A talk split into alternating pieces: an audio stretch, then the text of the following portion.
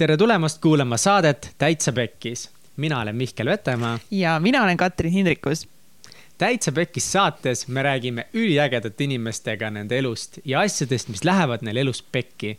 miks need asjad pekki lähevad, kuidas need pekki lähevad ja kuidas sellest kõigest välja tulla ja tänases saates on meil külaline uh! ja meil on külas äh, Kadi Poll, artisti nimega Kadi Jah Instagrami nimega Kadi Random. ja, ja Kadi sai, ma arvan, Eesti rahvale nüüd äh, tuntuks sellega, et ta oli üks Eesti Laul kaks tuhat üheksateist finalistidest. ülikõva aga Kadi ise tegelikult on olnud oma kogu professionaalse töökarjääri tele, telema-, tegev telemaastikul. juba aastal kaks tuhat kolmteist ta läks äh, tööle suvel siis äh, TV3-e, oli seal andmesisestaja ja tegi mingeid telekavasid, siis sealt edasi ta tõsteti kohe tubliks eh, sotsiaal, social media manager'iks uh., mis on ülilahe, nii et ta haldas eh, TV3-e seal Facebook'e, Instagram'e, sotsiaalmeediat. pärast seda ta oli video, videograafer videograaf on see eesti keeles, on ju, videograaf. Ning äh, aastast kaks tuhat seitseteist on ta TV3-s PR and marketing spetsialist. nii et põhimõtteliselt tema juhib meil seda, meil, neil TV3-e PR-i poolt. nii et ta on suhteliselt kiire ja kõrge lennuga naine olnud kes on ja. siis viis aastat töötanud TV3-s ja tänasel päeval ta on kahekümne viie aastane. jah, ja ta on äh, lõpetanud ka BFM-is äh, telerežii eriala. Magistrikraad on tal siis äh, seal. Television inglise keeles jah televisioon inglise keeles, television Vau, Mihkel, vau, vau, see oli praegu lihtsalt siuke next level, lihtsalt ma ei, ma ei või nii aga äkki räägiks, mis Kadi veel teinud on? ühesõnaga ja ta on Võrus sündinud, Tartus üles kasvanud ja siis Tallinnasse kolinud nagu ka Mihkel Vetemaa. ja Kadi õppis äh, Ülenurme muusikakoolis ja ta on lõpetanud ka äh, Heino Elleri nimelise Tartu muusikakooli. ja jah. ja esimest korda ta Eesti, Eesti Laulule proovis saada siis, kui see vanusepiir kätte jõudis, ta päris täpselt ei mäletanud, millal see oli. siis tal ei õnnestunud saada, siis teinekord ta proovis eelmine kord, eelmine aasta saada Eesti Laulu, see oli väga raske pa pauk, väga raske šokk talle, kui ta ei saanud. ning see aasta ta otsustas ikkagi kolmandat korda uuesti proovida. ja täitsa üksi enda lauluga, jah. ja ise kirjutatud lauluga ja ta sai poolfinaali ja sealt sai ka finaali ülikõva, meil oli väga lahe vestlus temaga, päris palju nalja sai ja by the way, ta on mega suur Täitsa Pekis saate fänn. on ja nii et ta tegi siin äh, meilegi üllatuseks igasuguseid põnevaid asju podcast'is, ei hakka siin kohe kõike teile ka nüüd ette ütlema, mis meil siin tuleb.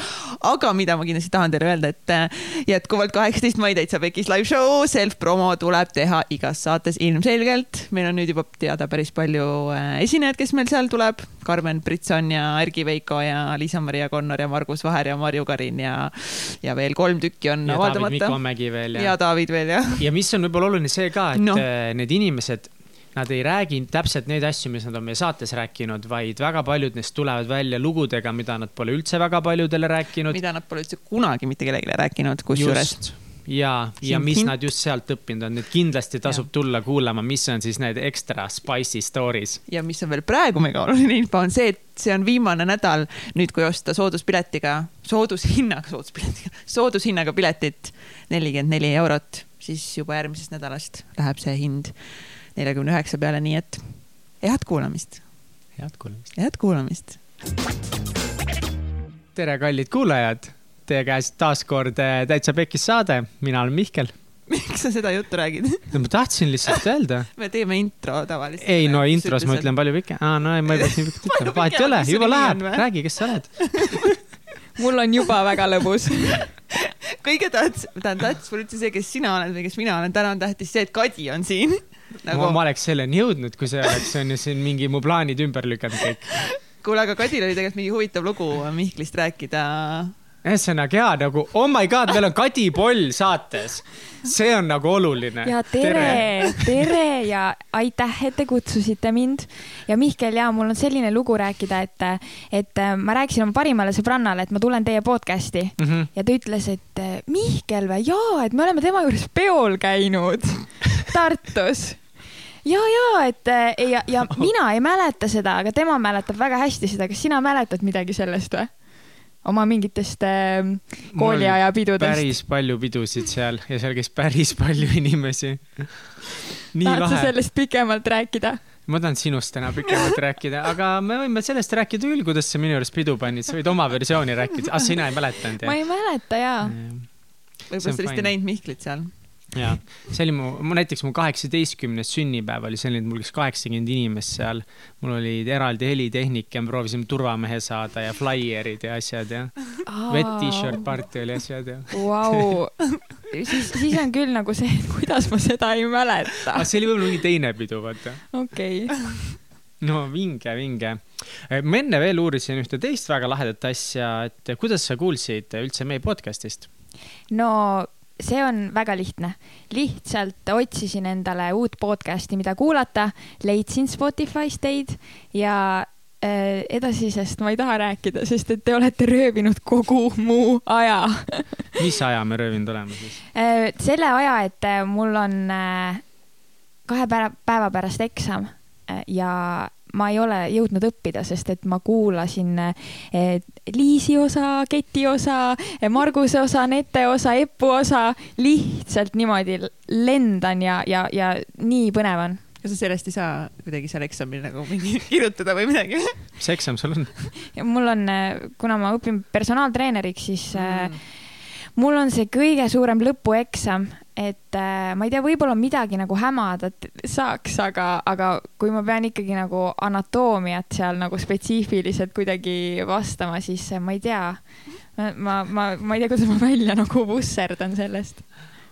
seal vist väga palju ei ole kasu jah. võib-olla Mihkel teab, kuidas vusserdada. ta suudab alati jutuga lihtsalt kõik ära rääkida. nagu Margus Vahergi. jaa, aga ülilahe, mul on täiega hea meel, et selle asemel, et õppida siis äh, treeneri eksamiks või personaaltreeneri eksamiks. Kas see on, kas see on erinev asi? no selles mõttes, et on ju rühmatreenerid ja, ja mm., ja et sa võid ju õppida eraldi ainult bodypump'i treeneriks või siis teha mingit pilatest või nii, et äh, personaaltreener on siis natuke teine asi. aa, no okei okay,, super, igatahes selle asemel, et selleks õppida, tulid meile saatesse, see on täiega hea valik. olen jumala rahul. Ja ma olen nüüd mingi kaks äh, päeva guugeldanud sinu kohta, täiega palju mingeid int-, okei okay,, mitte täiega palju, see, ma hakkasin juba valetama, täiega palju ühte sama lauluvideot vaatan, sellepärast et ma leidsin ainult kaks laulu sinust põhimõtteliselt. Need olid täiega lahedad. aitäh. ja kuidas su elu siis praegu läheb praegu, mm? -hmm. no täiesti kaootiliselt, et äh, üritan toibuda siiamaani Eesti Laulust. Õpin siis äh, nii-öelda selleks treeneriks ja, ja üritan iga päev tööl käia. aga kas sul on magistriõpe läbi? jah, okei okay,, see on juba lõpetatud jah mm. -hmm. milles sul magister oli BFM-is? ja BFM-is õppisin äh, televisiooni režissööriks. okei okay., kumb siis ägedam on, kas teletöö või muusikukarjäär? Mõlemad on ägedad, aga vaata, muusika asi on nagu mega hinges, see on nagu see asi, mis sa kuidagi tahad hobina ka teha ja see on see asi, mille eest sa kunagi nii-öelda raha ei küsiks, et sa teeksid seda niisama ka. aga televisioon on lihtsalt äge, seal on nagu väga-väga nagu palju põnevat, iga päev on erinev ja mulle meeldib. ma olen mega kade. kaks teleinimest siin, okei okay,, üks praegune, üks endine. jah, kolm, issand, ma oleks jälle Egert. Egert on ju. praegu tegev ikkagist. jaa, tegev, issand, ühesõnaga nii palju teleinimesi, ma ei ole kunagi põhimõtteliselt ei nagu teles Ma- ma- töötanud või sellega väga kokku õhtusärk puutunud. jälle seljas, aga ei olegi.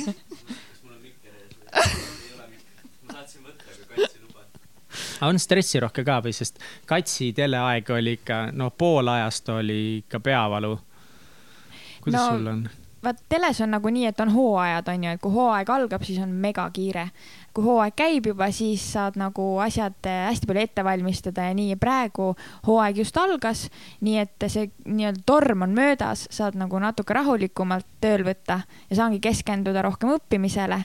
aga muusika, noh, praegu on hetkel nagu täiesti nii-öelda kolmas asi ikkagi, kuigi ma tahaks, et oleks esimene, aga noh, selles mõttes, et tööd peab hoidma ja õppima peab ja küll siis saab hobiga tegeleda. Aga kuidas teha nii, et äh, muusika ei oleks hobi?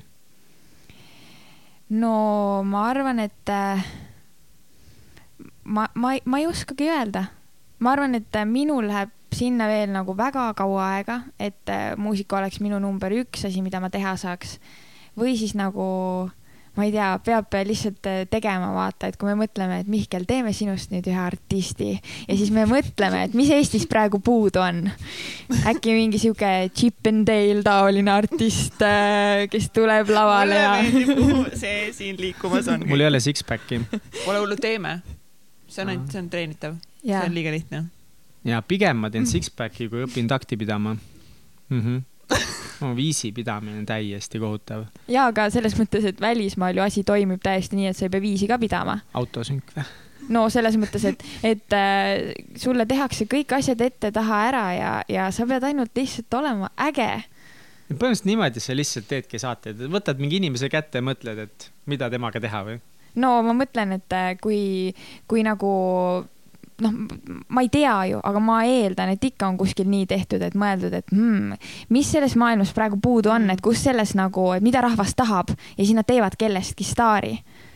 Hmm, okei, okei. iseasi on see, kas sa tahad seda teha või sa tahad seda oma asja teha. no vot, Mihkel, kas sa tahad seda oma asja teha või me teeme sinust staari? ma tahaks oma asjade staariks saada. aga rääkides sellest oma asja tegemisest, ma vaatasin äh, ühte seda intervjuud, kus sa rääkisid äh, just äh, nii-öelda muusika tegemisest ja tööst, et tegelikult see muusikakarjääri sa kunagi alustasid üldse väga ammu, sa hakkasid muusikat õppima, räägi üldse oma nooruspõlvest, et mis, mis siis toimus enne, kui sa jõudsid telemaastikule? no ma käisin muusikakoolis, õppisin plokkflööti. Oo, kui on- põnev. väga põnev ja põnev on nagu kõige parem sõna selle iseloomustamiseks. kui vana sa olid siis? no ma läksin, ma e- nagu esimesse klassi läksin, siis läksid ka muusikakooli kohe kõrvalt ja aa, okei. ja siis, et lihtsalt nagu ma praegu mõtlen, et jaa, see on nagu plokkflööt on nagu tore, aga, aga nagu miks, miks plokkflööt et, et klaverit sai küll kõrvalt õpitud, et noh, et see on nagu praegu, mis on nagu kõige, mida sa kõige rohkem kasutad, aga no ma reaalselt tegin selle lõpueksami seal ära, plokkflööti ma rohkem pole kätte võtnud, on ju, et noh, et, et, et äh, väga huvitav valik. aga, aga lõpetasin muusikakooli ja siis äh, ja siis äh, oligi gümnaasium ja, ja, ja ülikool ja siis ma enam muusikaga nagu nii väga kokku ei puutunud, sest et noh, läkski täiesti sinna õppimisse puhtalt ja enda nagu karjääri siis äh, ehitamisele. aga kas sul on peres ka muusikuid või kust see muusika, ma ei tea, pisik sinusse tuli? äh, isa mängib äh, akordionit ja klaverit ja kitarri ja kõiki maailma pille, et, et kui ma väike olin, siis äh, meil olid äh, sünnipäevad sellised, et isa mängis alati akordionit ja kõik laulsid, kõigil olid need laulikud käes ja, ja selles mõttes mul olid kõik need laulud peas, Kungla rahvas ja mingi merelaulud ja no tead oh, küll jah. neid vanu, neid rahvalaule. et äh, need olid peas ja siis iga, iga nagu selline sünnipäev ja üritus möödus ikkagi muusikasaatel. see oli äge. et kui ma Mega nagu lahe. nii-öelda suuremaks kasvasin, siis ma saingi aru, et, et kõik ei panegi niimoodi nagu pidu, vaata.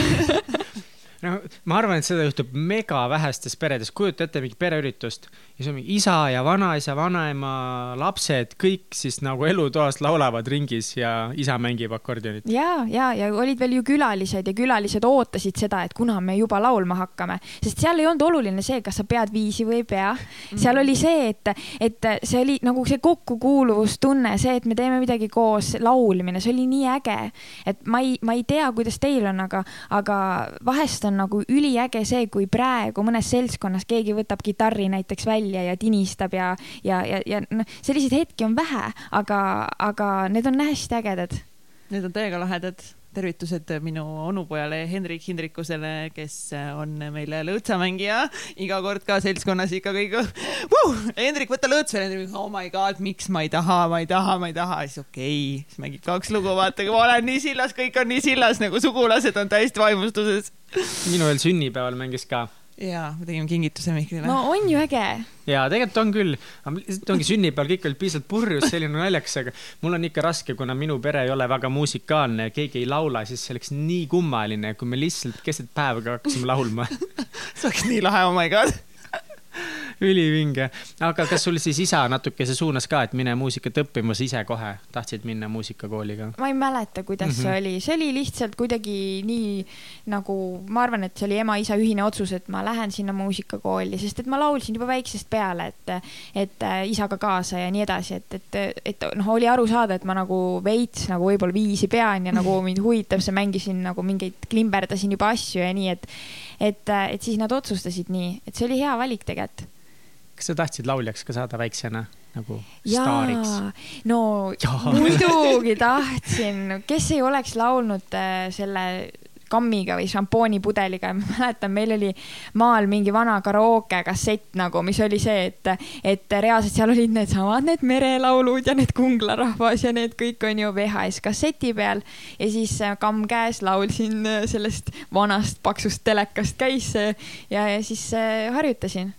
Et see oli nagu täitsa unistus sul? No ikka, ma, ma, ma arvan, et äh, hästi paljude väikeste tüdrukute unistus on saada nagu lauljaks. et minul oli ka see, mul oli näiteks see ka, et ma tahtsin poemüüjaks saada, nii et noh, ma ei tea nüüd. mis sellest sai? et see on huvitav, sest tõesti väga paljud noored tüdrukud laulavad, väga paljud noored tüdrukud on ilmselt ka päris head lauljad ja noh, laulmine, ma olen aru saanud, on ka on ikkagi väga palju treenitav, et sa saad väga heaks sellest ennast treenida ka. mis siis, mis seal vahepeal juhtub, et miks, miks väga vähestest saavad staarlauljad ja miks äh, väga paljud äh, le- leiavadki ennast lõpuks kuskil kontoris, noh, vahet ei ole, kas see on siis lahe või mitte lahe töö, aga kuskilt mujalt. oh, kui ma vaid teaks sellele vastust, sest et äh, ma arvan, et, et kui see oleks nagu nii lihtne, siis kui palju lauljaid meil tegelikult mm. -hmm. oleks, sest et kõigile meeldib ju laulda ja noh, selles mõttes, et, et ma arvan, et lihtsalt see turg on ka selline, et, et sa, sa sa ei, sa ei saa, et kui see nõudlus on nagu teatud artistidele, et kui see oleks nagu nii lai ja, ja kõik see, et, et äh, siis oleks noh, et sa ei saa seda nagu ametina siis teha, kui neid oleks nagu nii palju. et, et siis kerkivadki esile need nagu head, kes tõesti tahavad seda teha ja, ja ma arvan, et see on nagu iga elukutsega niimoodi et, et lihtsalt see lau-, lauljaks nagu on võib-olla nagu raske sellepärast ka saada, et, et sa pead ju inimesele kohati nagu meeldima ikkagi kuulajale. aga, aga kontoritööd tehes, kui nagu sa oskad IT-d, siis sa oskad seda IT-d mm. -hmm. et noh, sa ei pea kellelegi meeldima seal ju, et, et seda nagu õigesti teha. sul peab olema nagu oma mingi kuulajaskond ikkagi. Ma ei kujuta ette inimesi, kellele sa ei meeldiks. ma kuulasin seda Believe'i ja sa olid nii nunnu. Sul oli oh nii nunnu hääl. ma mõtlen, kuidas see mitte kellelegi meeldiks, et sa gümnaasiumis, kas see oli see, et kus sa siiski tegid nagu selle otsuse, et sa pigem keskendud nüüd ikkagi millegile muule või miks sa selle otsuse siis tegid niimoodi või? no seal oligi see, et äh, ma ei tea nagu, ma, mõtlen, et ma, ma, ma arvasin, et ma tahan minna muusikat õppima, aga samas mul oli kuklas see, see iseseisvus, see, et äh, ma pean iseseisvalt elus hakkama saama ja ma mõtlesin, et äh, kui ma lähen muusikat õppima, siis seal on see väike risk, et äh, sul ei pruugi hästi minna. või päris suur risk? jah, ja, ja, ja ma ei taha nagu võtta, vaata nendelt kuulajate tunnistust ära praegu. kuule, mis lõpus me jõuame Eesti Lauluni välja, nii et nagu dream come back, noh. all is good. aga lihtsalt see, et ma läksin nagu õppima midagi nagu vaata see, mis on nagu päris töö, on ju, et, et lihtsalt puhtalt sellepärast, et ma teadsin, et äh, sellega ma kindlustan endale nagu nii-öelda kindlamalt selle igakuise palga, kui sellega, et ma lähen muusikat õppima. see on kurb, aga, aga nagu selles mõttes äh, midagi Ma teha vaat- ei ole. ma korra lä- kaldun teemast kõrvale, aga lambist tuli lihtsalt meelde, et kui ma esimest korda Sandra Rajuga kohtusin Škodas, klippi käisime filmimas ja ma tegin esimest korda Sandra Rajuga pilti, siis tal oli see särk seljas. mis särk see on? aa, Believe ja, särk. ja siis ta rääkis äh, kõigile seal nii õhinalt, kuidas see Kadi on nii kõige armsam tüdruk ja kuidas ta andis kõigile need äh, pusad ja siis mingid, et veel, veel väiksematele lastele on ka neid ja siis ta oli nii happy sellest jah. oh, kui äge nende pusadega oli see, et kuna selles mõttes ma tahtsin nii väga sinna Eesti Laulule saada, siis ma tahtsin kõiki neid inimesi tänada, kes äh, mind on nagu kuidagigi aidanud ja Sandra oli üks inimene, kes on lihtsalt, ma ei, ma ei tea lihtsalt, kuidas ta seda teeb nagu, kuidas ta nagu iga päev eksisteerib sellisena, nagu ta on. ta on lihtsalt nagu imeinimene ja, ja ta nagu aitas, aitas mind väga palju äh, üldse nagu noh, endasse uskumises ja kõiges selles, et siis äh, sellepärast sai temaga selle pusa. täiega tore, nii nunnu. täiega nunnu, oh my ja, god. ja kuule, et kui keegi ei tea, siis minge otsige Instagramist eh, Kadi või Sandro üles, siis näete seda ägedat pusa kindlasti mõne pildi peal onju. paljude piltide peal. paljude piltide peal, just, just, just. aga mul on nagu ikka see küsimus, et mõtlen, et, et noh, nii paljud inimesed on nende valikute ees, et samas tegelikult me näeme, et sa meeldid inimestele, sa oskad väga hästi laulda, sinus on seda säravat, ägedat isiksust, sihuke omapära. et huvitav, kui sa oleks gümnaasiumis teise valiku teinud,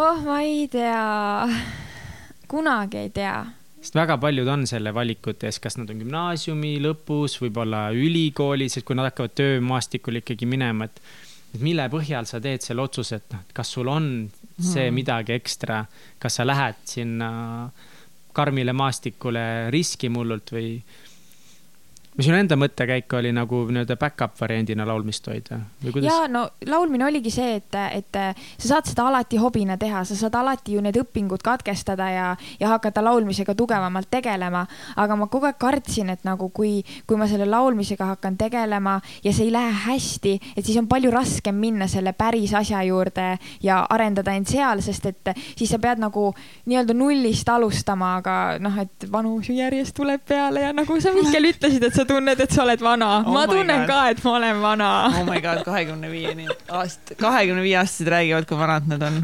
oh my god, no sa oled teine generatsioon sinugi. ma olen juba ammu muld, minuga on kriips peal, kõik on läinud.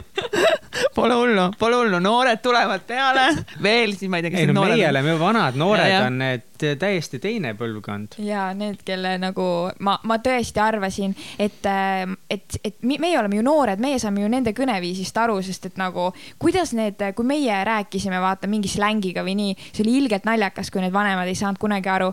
mina arvasin, ma olen nagu elu lõpuni noor, ma saan noorte slängist täiega aru. ja siis mul on endal väike vend, kes räägib siukses keeles, et ma olen lihtsalt nagu, mida sa ütled, palun räägi minuga mingis normaalses keeles. päris huvitav ja siis see kogu aeg tuletab meelde, et sa lihtsalt vananed. juhu. see lihtsalt see viimane lause on ju, et sa lihtsalt kogu aeg vananed. aga sinu vananemine seal pärast gümnaasiumi, mis sa siis õppima läksid? ma läksin Balti Filmi Meediakooli õppima audiovisuaalset meediat ja ma jäin äh, veel, see oli nii nukker, sest et ma jäin veel nagu joone alla niimoodi, et teavitati nagu kõik, kes edasi said ja kes pääsesid kooli ja ma jäin joone alla ja noh, selles mõttes, et, et ma olin täiesti kindel, et mitte keegi ei ütle sealt eest ju ära, see on nagu sa, need olid ju megarasked katsed ja sinna sai mega vähe inimesi sisse ja nii edasi. ja, ja siis lihtsalt üks päev avastasin, et keegi ütles ära, nii et ma sain nagu selle viimase inimesena sain sinna tegelikult kooli sisse ja, ja üliäge oli seda ka vaadata, et, et kui sa siis sinna kooli läksid ja õppima hakkasid, siis ma lihtsalt mõtlesin, et kuidas ma viimane saan olla nagu, nagu, nagu ma nägin nii palju vaeva erinevates koolitöödes ja teised ei näinud üldse nii palju vaeva ja siis sa mõtled, et elu on nii ebaõiglane nagu. No sa tundud mulle inimene, kes näeb hästi palju vaeva asjades, mida sa teed, siis kui mõtlen, et sa oled kahekümne viie aastane, praegu sa oled TV3-s, siis ma ei teagi, mis su õige ametinimetus on, turundusspetsialist ja PR juht, nii jah? no kahekümne viie aastaselt. ja see on täiega äge, aga, aga selles mõttes, et teisipidi võttes on ju, et äh, mul on mega äge töökoht ja, ja, ja see, et ma saan seda praegu teha, see on tõesti nagu kahekümne viie aastasena selline positsioon ja nii. aga mis ma selle arvelt ohverdanud olen, et ma olen nii palju mõelnud selle peale, et kas nagu kas ma muudaksin midagi või siis äh, ma jätkaksin sedasama teed, aga ma ei tea kas ülikoolis pidid hästi palju siis vaeva nägema ka teistega ennast kuidagi järjel hoida või juba seal sa võtsid väga kindla sihi, et õppida hästi korralikult ja hullult push ida ennast? Eh, kuna see on nagu ikkagi päris nagu loov kool, et siis need ained, mida sa saad nagu, ma ei tea, matemaatika ära õppida, et need äh, ikka tegid nii hästi, kui said, aga nendes loovates ainetes sa ei, sa ei, sa ei saa nagu ette aimata, kui hästi või halvasti sa seda teed, sest et hindajad on täiesti erinevad silmad ju, et õppejõud võib olla täiesti erineval arvamusel kui sina, mida sina oled loonud. Ja see on ju kunst, see on nagu hästi mm. raske on nagu seal olla viieline et, et, et seal ma lihtsalt, ma ei mäleta, mis hinded mul olid, aga, aga, aga ma mäletan, et ma sain stippi, et selles mõttes mul olid nagu mingi, mingi hinne pidi nagu hea olema seal. ja sul ma... oli kuri õppejõud?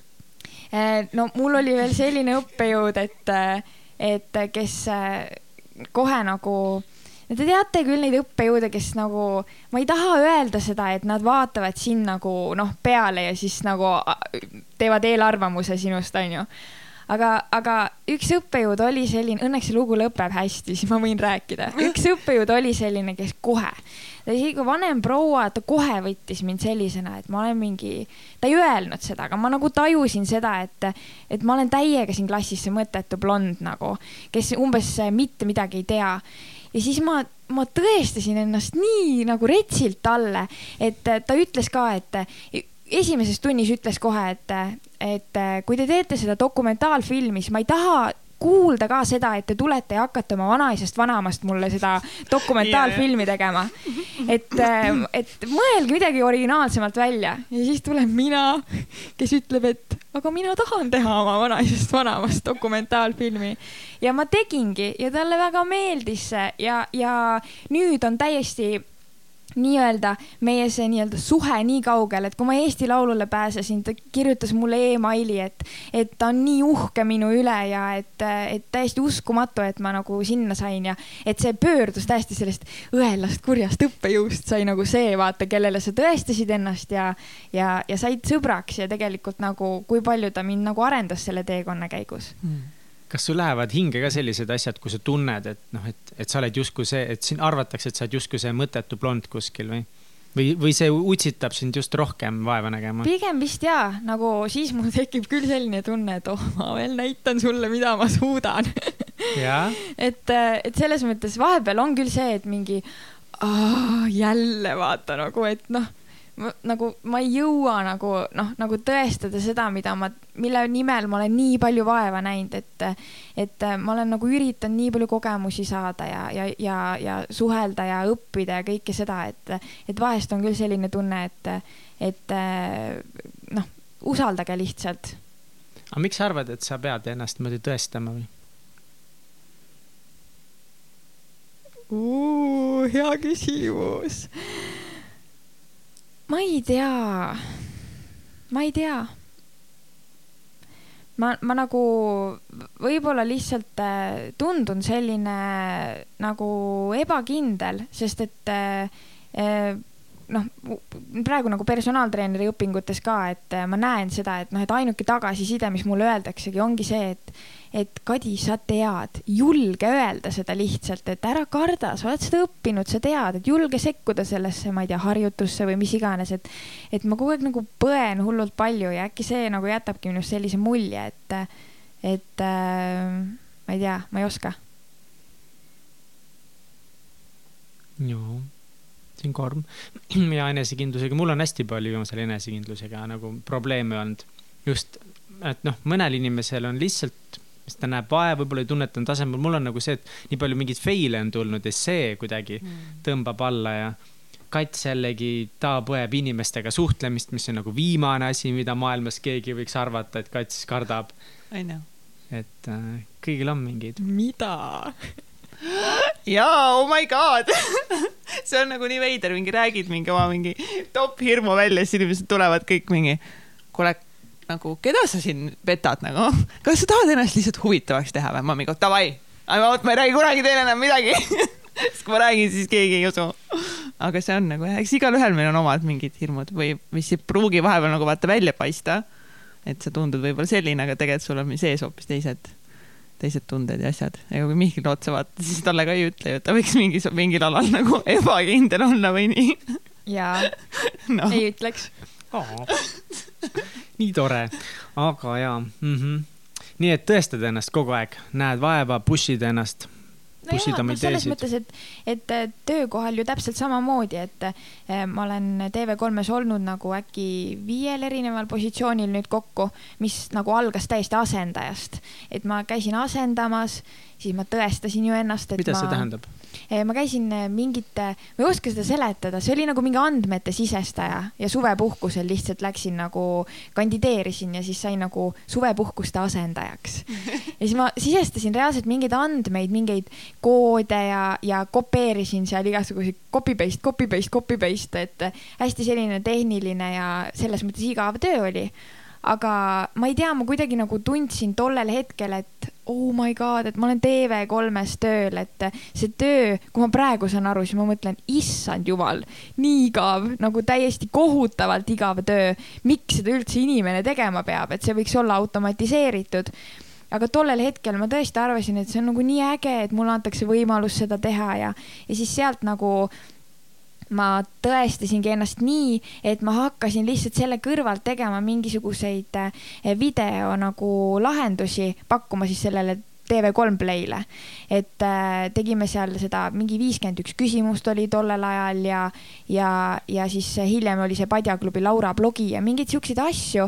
ja siis äh, nad nä no, nägidki, et noh, et ma ei ole tegelikult andmesisestaja, et äh, ma võin nagu midagi muud ka, millegi muuga ka hakkama saada. kuidas üks andmesisestaja tuleb või kuidas sa nagu esitad neid, et sa tegid oma töö ära ja siis läksid kellelegi ütlema, et kuule, mul on lahe idee, et teeme siukest asja, siis nad vaatasid, et mingi, kes see blond siin on või?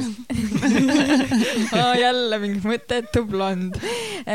tegelikult see oli nii, et kuna nagu me istusime kõik ühes toas, siis see nii-öelda see, see kogu aeg sa nagu elad seal igapäevas sees, mis toimub, sa tead nagu, mida nad teevad. Ja kui sa kuuled äh, juttu pealt, et, et äh, TV3 Play näiteks otsib igasuguseid mingeid videolahendusi ja projekte, siis sa mõtled ise, et aga miks ma ei võiks seda ise teha, ma olen ju, ma käin ju Balti Filmi Meediakoolis, ma olen nii palju teinud juba mingeid filme ja erinevaid projekte. miks ma ei võiks nagu midagi ise teha ja neile nagu pakkuda seda ja siis äh,, ja siis ma pakkusingi ja nagu nad olid kohe nõus ja noh, tegelikult on siiani see, et, et kui kellelgi tuleb mingi hea idee ja ta tegelikult tuleks meie juurde sellega, siis ta võ- võetaks nagu avasüli vastu. et võib-olla paljud nagu arvavad, et, et nad ei noh, nagu ei julge või mida iganes, aga tegelikult see ei ole, noh, me oleme idee ei ole täiega piisavalt hea näiteks, ma jaa. mõtleks iga Jaa, teise jah. idee kohta seda. ja just ja, ja, ja vahe, vahest on meil see ka, et ideid on nagu mega palju, aga kui asi läheb teostuseni, siis äh, seda nagu ei juhtu. et minul oli nagu see, et ma, ma tegingi nagu ise valmis selle ja läksingi selle videoga sinna ja ütlesin, et äh, mul on sihuke mõte, kas te tahaksite seda. siis nad nägid ka seda, et noh, ma reaalselt teen selle ära ja kuidas ma seda tegin. nii cool.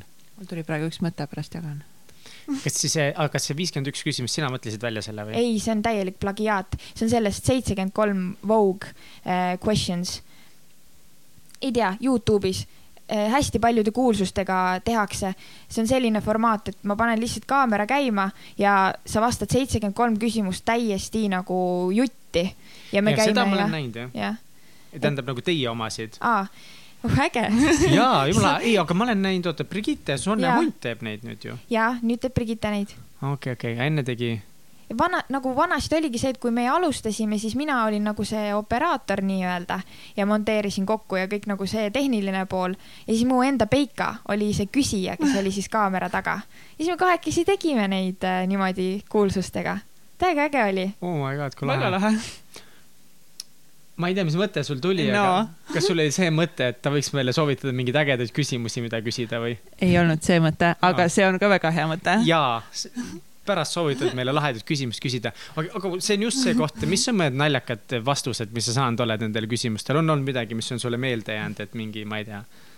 sellega on veel see hea konks, et, et äh, noh, et kui me kirjutame tavaliselt nagu sellele kuulsusele, et, et meil on sulle viiskümmend üks küsimust, on ju, et kas sa tahaksid selles projektis kaasa lüüa, siis nad ei oska seda võib-olla ette aimata, et me saadame neile küsimused ette ja nad peavad need läbi töötama, sest et kui ma küsiksin su käest viiskümmend üks küsimust ülikiiresti ja sa pead kohe vastama, siis tegelikult sul tuleks võib-olla nagu valed vastused, noh, selles mõttes, et kui ma ütlen sulle eh, lemmikraamat, et siis äh, võib-olla sul ei tule kohe see mm, või viimane yeah. laul, mida sa täna kuulasid või kõik äh, nagu noh, mingi reis, mida sa ei kahetse, mingi, ma ei tea, viis asja, mis on sinu juures äh, mingi, ma ei tea, tahaksid muuta, et tegelikult nad ei tule sul sekundiga, et see videoformaat on nagu jääb mingi viie minuti hulka, et, et kui sa jääd juba mõtlema, siis ta läheb nii pikaks, et inimene ei viitsi enam vaadata.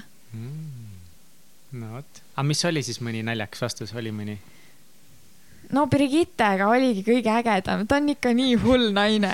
on jah? jaa, ta on nagu hästi äge, et äh, me töötame nagu ühel korrusel, et see Power Hit Radio on nagu TV3-ga samal korrusel, aga koridori teises otsas ja siis ta alati, sa kuuled, kui ta juba tuleb sealt koridori teisest otsast ja siis lendab sinna meie tuppa platsi, et, et äh, ta on hästi äge.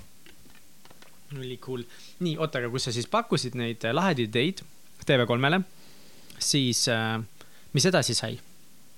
mis siis, kas siis sa lõpetasid täitsa ära selle andmesisestamise töö?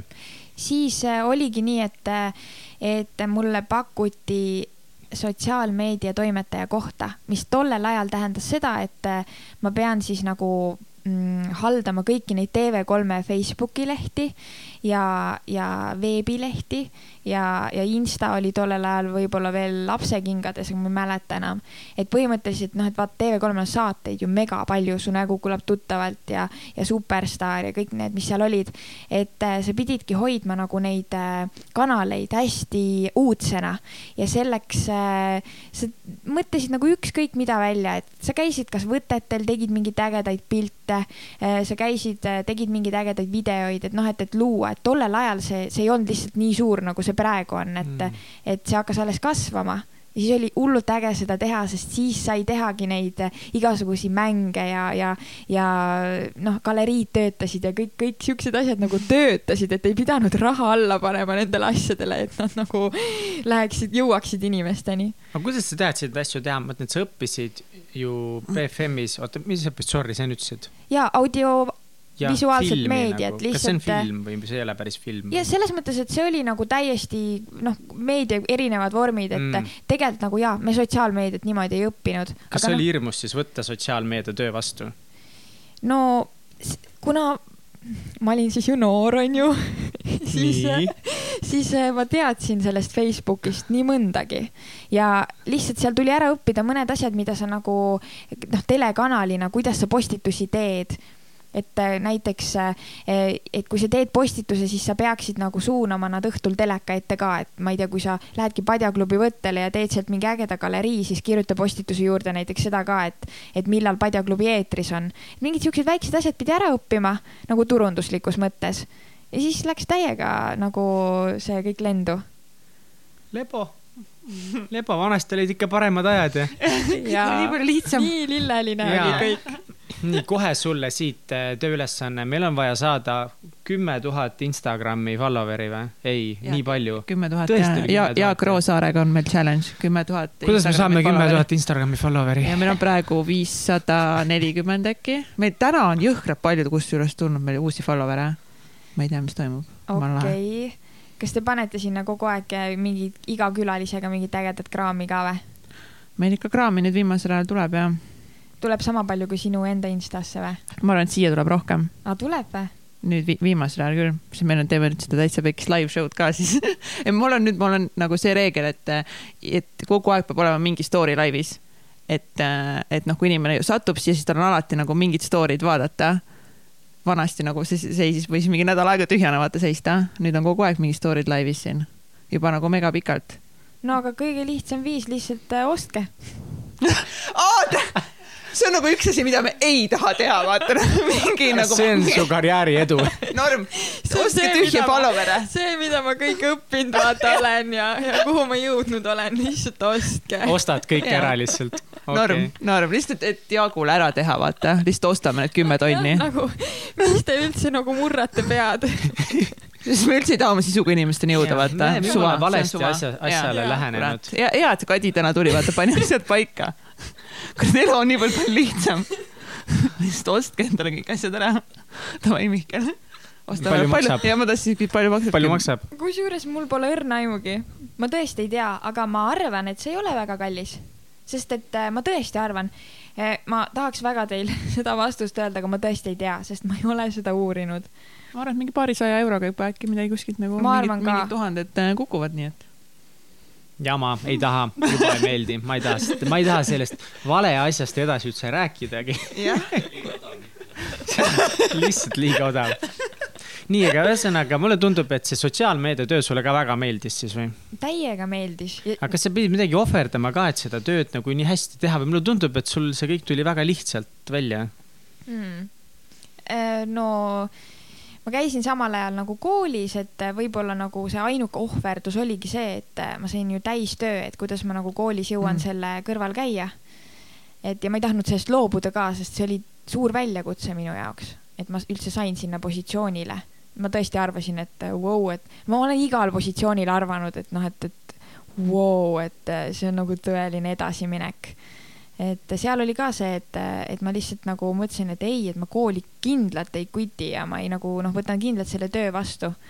et võib-olla see oligi ainus nagu väljakutse, sest et noh, iseenesest täiega äge oli teha ja, ja, ja noh, kõigile meeldis see, mis ma tegin ja, ja see oli äge. kuidas sa jagasid oma aega töö ja kooli kõrvalt, oli sul mingid head harjumused või süsteemid ka või ma tean, et väga palju inimesi käib koolis ja käib tööl, samal ajal meil üks analüütik äh, meie tiimist ka täiskohaga on analüütik, tal on megalt vastutust, ta on nagu seenior analüütik põhimõtteliselt. ja siis ta käib koolis täiskohaga, kuigi ta on nagu õhtuti nagu rohkem ja siis ta Mhm. teeb veel ühte äppi ka, et no ja ma näen, kui palju stressi see tekitab inimestel, et kuidas nagu ellu jääda ei jäägi. Kes see täna meil siin on, sest see ei ole Kadi, sest ta ütles, et ta ei ole elus oh. -oh. tegelikult on, ongi Ei, nagu see, et äh, ei päriselt, et selles mõttes, et, et äh, me oleme nagu noorena, vaata, me tahame nii palju ju teha ja, ja, ja me arvame, et äh, me oleme ju noored, me peamegi suutma seda kõike teha. et ma mäletan seda, et, et baka ajal oli vist isegi nagu okei okay veel, aga magistri ajal, noh, vaata baka on sihuke, et noh, kui sa seal mõnes mõned tunni nagu skip'id, siis need hästi palju oli bakas ju siukseid tunde ka, et mis on mingi jõhkralt suurele auditooriumile ja siis, kui sa selle skip isid, siis noh, tegelikult ei olnud midagi hullu. aga ma mäletan magistrist seda, et oligi, et tööpäev oli siis nagu üheksast viieni, aga mul hakkas kell neli kool ja siis ma läksingi töölt varem ära ja, ja kella kaheksani oli kool ja, ja ma mäletan seda aega lihtsalt, et sa lähed hommikul välja nagu uksest, pime on mm. ja siis sa jõuad õhtul tagasi koju ja pime on. et see, kui sa ei näe päevavalgust väga pikka aega, siis äh, see lihtsalt sööb sind seest ja nädalavahetused olid ka kool, et siis sa, sa ei oota isegi seda nädalavahetust enam, sest et sa tead, et sul ei ole vaba aega et, et ma ütlen ausalt, et kui ma magistri ära lõpetasin, siis ma lubasin endale, et ma ei lähe mitte kunagi enam kooli. nagu, et äh, see oli nii raske, see oli, sest sa tahad ju hästi seda teha. sa ei taha midagi niisama nagu ära teha. No ma küll kooli tahtsin niisama ära teha lihtsalt, aga tegelikult ma saan sinust aru ja, ja see ongi see, mis mulle sinu juures ka meeldib, mulle tundub, et sa teed asju nagu maksimaalselt. et kui sa teed, siis sa teed seda hästi. jah, mitte lihtsalt tegemise pärast, ja onju. kirega. jaa, täiega lahe. aga kas sa arvad, et on vaja nii palju push'i id noorel inimesel, et mida sa soovitaksid, et kõik inimesed, kes praegu teevad tööd, teevad magistrit, ma ei tea, kas oma sõpradega said aega veeta, et kas see on väärt seda? Ja no see on minu küsimus praegu, et kas, kas see oli väärt seda, sest et äh, noh, tõesti selles mõttes, et sa, sa nagu, sa oled tujukas, sa elad selle nii-öelda tollel, sellel hetkel nagu eladki nagu oma mingi lähedaste peal välja, kes sul kohe seal saada on, et kas sa lähed koju oma elukaaslase juurde või, või et, et äh, nad ei ole ju seda ära teeninud, et see, et sina oled endale selle koorma võtnud ja võib-olla on nagu teisalt see ka, et, et äh, sa pead nagu oskama mm, nendel asjadel vahet teha, et mida sa tahad maksimaalselt teha ja mida sa siis nagu natukene nagu viilid. et äh, sest, et noh, praegu ma tunnen nagu väga seda, et kui ma ikkagi tunnen, et ma olen väga väsinud, siis ma lihtsalt skip in. et noh, ja, ja ma mõtlengi, et saab, mis saab, aga ja. ma ei lase endale seda teha. Sul on samamoodi, jah? jep just Mihkliga, millal, kas eile vist, millal me telefonis rääkisime, ma ütlesin, mul on vaja see neli artiklit vaata Delfile kirjutada ära, siis ma mingi, fuck, ma ei jõua. siiamaani tegemata, sest ma lihtsalt ei jõua teha neid ära nagu. ja siis ongi nagu mingi skip nagu, noh, sest noh yeah., ja nii on ja nii on, sest et nagu kui nii on vaja teha, siis nagu noh, sa lihtsalt pead seda tegema, sest kui sa need nagu tollel hetkel ära teed, siis võib-olla sa teed endale veel rohkem liiga sellega kas sa tunned, et see õpp, õpiperiood, magister tegi liiga sulle? Ehm, no nüüd on see tehtud, onju, nüüd ma olen nagu, et oh, nii mõnus, onju, midagi. paber seina peal. I m the boss. noh, kõik on ju hästi, aga ma lihtsalt nagu, kui ma mäletan seda, et ma olin ikka, no ma olin nii õnnetu, et äh, ma tahtsin nii väga, et see läbi oleks, see oli nagu mega raske. lihtsalt see, et sa nagu kuidagi kogu aeg oled rakkes ja siis sul ei ole aega nagu õppida ka, sest et sa käid tööl ja siis sul nädalavahetusel ju kool ja et kuna sa neid nagu asju üldse teed, et aega ei ole nii palju. ma ei tea nagu, kas ma otseselt soovitaks seda kellelegi. et äh, noh, nüüd on mega äge olla, onju ah,. sai see ära tehtud, onju. et võib-olla, kui sa võtadki endale selle seisaku, et kaks aastat ma panen hullu, vaata, noh tee ära see siis nii, aga kui minul oli lihtsalt see, et ma ei plaan-, planeerinud minna magistrisse, aga eh, see magister tuli nagu eh, esimest korda, eestikeelne magister. ja siis ma mõtlesin, et ma pean ju minema sinna, et esimest korda eestikeelne ja lubati vist teha äkki sedasama magistrit ainult kaks korda. ja siis ma mõtlesin, et mis seal ikka hullu olla saab, lähen teen kohe selle magistri ka ära. baka ju nii ilusti tehtud ja. Pole oh. midagi, aga kas sa tööl ka samal ajal, kas sul on töö mõttes, on sul nagu sellised suured plaanid ees, kas, kui sa juba olid seal TV3-s sees, kas sa mõtlesid, et davai, nüüd ma panen, ma ei tea, tippu välja juhatuseni, see on minu karjäär, see on mu elu, ma vallutan täiesti TV3-e selles mõttes, et kui alustades sellega, et kui ma läksin äh, baka, bakasse nagu õppima meediat, ma ei olnud nagu elu sees planeerinudki seda, et ma lähen meediat õppima mind ei olnud kunagi see huvitanud nagu niimoodi, selles mõttes, et ma mõtlesin, oo, ma lähen meediat õppima. ei, ma ei olnud koolis, ma ei käinud kuskil nagu mingis meediaklassis või nii, et lihtsalt äh, äh, mingid asjad, mis sulle meeldivad teha, et ma pildistasin hästi palju, ma filmisin hästi palju, et siis ma arvasingi, et okei okay,, et see meedia võiks mulle huvi pakkuda. ja siis see TV3 tuli ka nagu nii lampi ja siis see, need, need pakkumised tulid ka nagu kuidagi nagu nii nagu, need olid mul oli niimoodi, et ma olin see asendaja, siis ma sain selle nagu asendatud päris töö. siis ma sain selleks sotsiaalmeedia toimetajaks, siis ma sain kohe sealt edasi videotootjaks, et need, need olid kuidagi selliste vahedega, et ma teadsin kogu aeg, et ma pean selle vastu võtma, ma pean selle vastu võtma. ja, ja siis äh, noh, kuidagi nagu seal, seal ei olnud nagu küsimust seda, et mul on midagi valida või, või kuidagi nii, et ma lihtsalt mõtlesin, et oo, et see on ju parem asi, et muidugi ma võtan selle vastu, mul on see pakkumine tehtud, et, et sellist pakkumist teist ei tule, onju aga kas sa ise mõtlesid enne, kui sa, kui sa said uue pakkumise kätte, et davai, et kahe aasta pärast ma panen veel kõrgemale edasi? ei, ma, ma nii ei mõelnud, sest et need olid tegelikult, tööd olid aastase vahega, et ma jõudsin aasta aega teha tööd ja siis nagu läksin järgmisele nii-öelda eh, töö, töö kohale, et see aasta aega on nagu nii väike aeg, et sa ei jõua mõelda seal, et oo, ma tahan nüüd täiega seal juhatuses olla, et ma ei saanud mitte midagi aru, kes seal üldse umbes töötabki ja mida ma nagu teha tahaksin et tegin seal vaikselt oma asja ja, ja, ja, ja lihtsalt läks nagu väga ägedalt. Ja see positsioon, mis mul praegu on, oli lihtsalt sellepärast nii äge, et et, et Anneli Adermann tegi seda vist umbes kümme aastat äkki ja see oli nii lahe oli vaadata, ta oli nagu sära silmis, ta tuli tööle, ta suhtles kõigiga, ta, ta, ta, tal tundus nagu selline töö, et kui mina olen kunagi suur, onju, ja mulle meeldib ka inimestega suhelda ja julgen nagu väljas käia nii ja et siis seda oleks äge teha. ja nüüd nagu ma saangi seda teha et see on nagu äge, aga noh, ma, ma reaalselt nagu, ma ei ole kunagi mõelnud, et ma tahan siiani jõuda.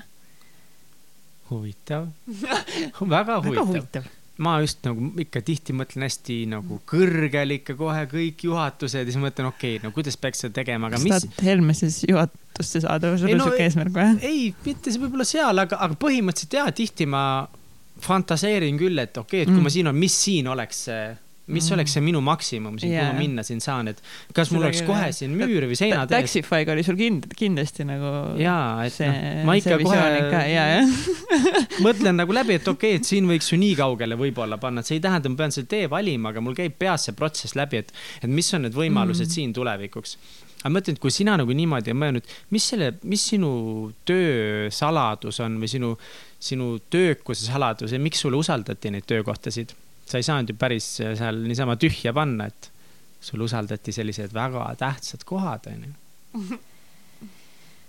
ma arvan, et, et minu nagu tahtejõud, et sellel hetkel, kui, kui nagu need positsioonid on kuidagi minuni tulnud, olen ma täiesti selline, et need, need on nagu justkui minu jaoks, et ma tahan nagu üle kõige sellel hetkel seda asja teha ja, ja siis need, ma noh, ma mõtlengi, et äkki need inimesed lihtsalt näevad seda, et äh, ma tean, ma olen kindel selles, et sellel positsioonil, kus ma praegu olen, kindlasti oli seal nagu palju-palju eh, kogemuste pagasitega rohkem kandideerijaid kui mina. seal oli kindlasti nagu palju, ma ei tea, paremaid suhtlejaid, paremaid mingisuguseid, kes oskavad lihtsalt asju nagu selles valdkonnas paremini aga, aga kuna nagu vahest on lihtsalt see, et, et sa näed, et inimene tahab seda teha ja ta on nõus pingutama selle nimel ja see nagu korvab selle kuidagi üle. et sa näed, et, et see nagu emotsioon, mis ta sellesse töösse paneb, on täiesti teistsugune kui see inimene, kes tuleb ja, ja tal on nagu mingi megakogemus. särab, onju. nii et kõik kallid kuulajad, sära silma ja lihtsalt iga aasta uus positsioon. plaks,. plaks, plaks, plaks, otse tippu. ega, ega nii ta on. aga mis sinu praegused nii-öelda põhitööülesanded on või kuidas sinu tööpäev üldse praegu välja näeb? Eh, põhitööülesanded on siis see, et ma pean hoidma TV3-e pildis ja kõike TV3-ga siis nii-öelda kuuluvat näitlejaid või siis eh, saatejuhte või saateid ja, ja minu tööpäev võib-olla näebki välja selline, et eh, ma lähen tööle, ma teen kindlaks selle, et eh, õhtused saated on kõik ilusti igal pool meedias üleval, et kui näiteks eh, alustab meie uus saade Su nägu kõlab tuttavalt, siis eh, et kõik eh, meediakanalid kirjutaksid sellest, ükskõik siis, kas see on mingisugune ajakirja kaas või siis mingisugused ajalehed või näiteks Delfi Õhtuleht mingisugused inimesed räägiks sellest, et see on kõik nagu minu nii-öelda korraldada, et äh, äh, kui noh, mõned asjad on niimoodi, et saad nagu õhtuseks äh, asjaks ette valmistada, aga mõn-, mõnda asja pead nagu hästi kaua ette valmistama. Ja siis üritused nende raames ja suhtlen ajakirjanikega hästi palju ja ja kirjutan hästi palju ja. Kas, kui suur teil üldse see turundus ja meediatiim on või kuidas teil see hierarhia seal on?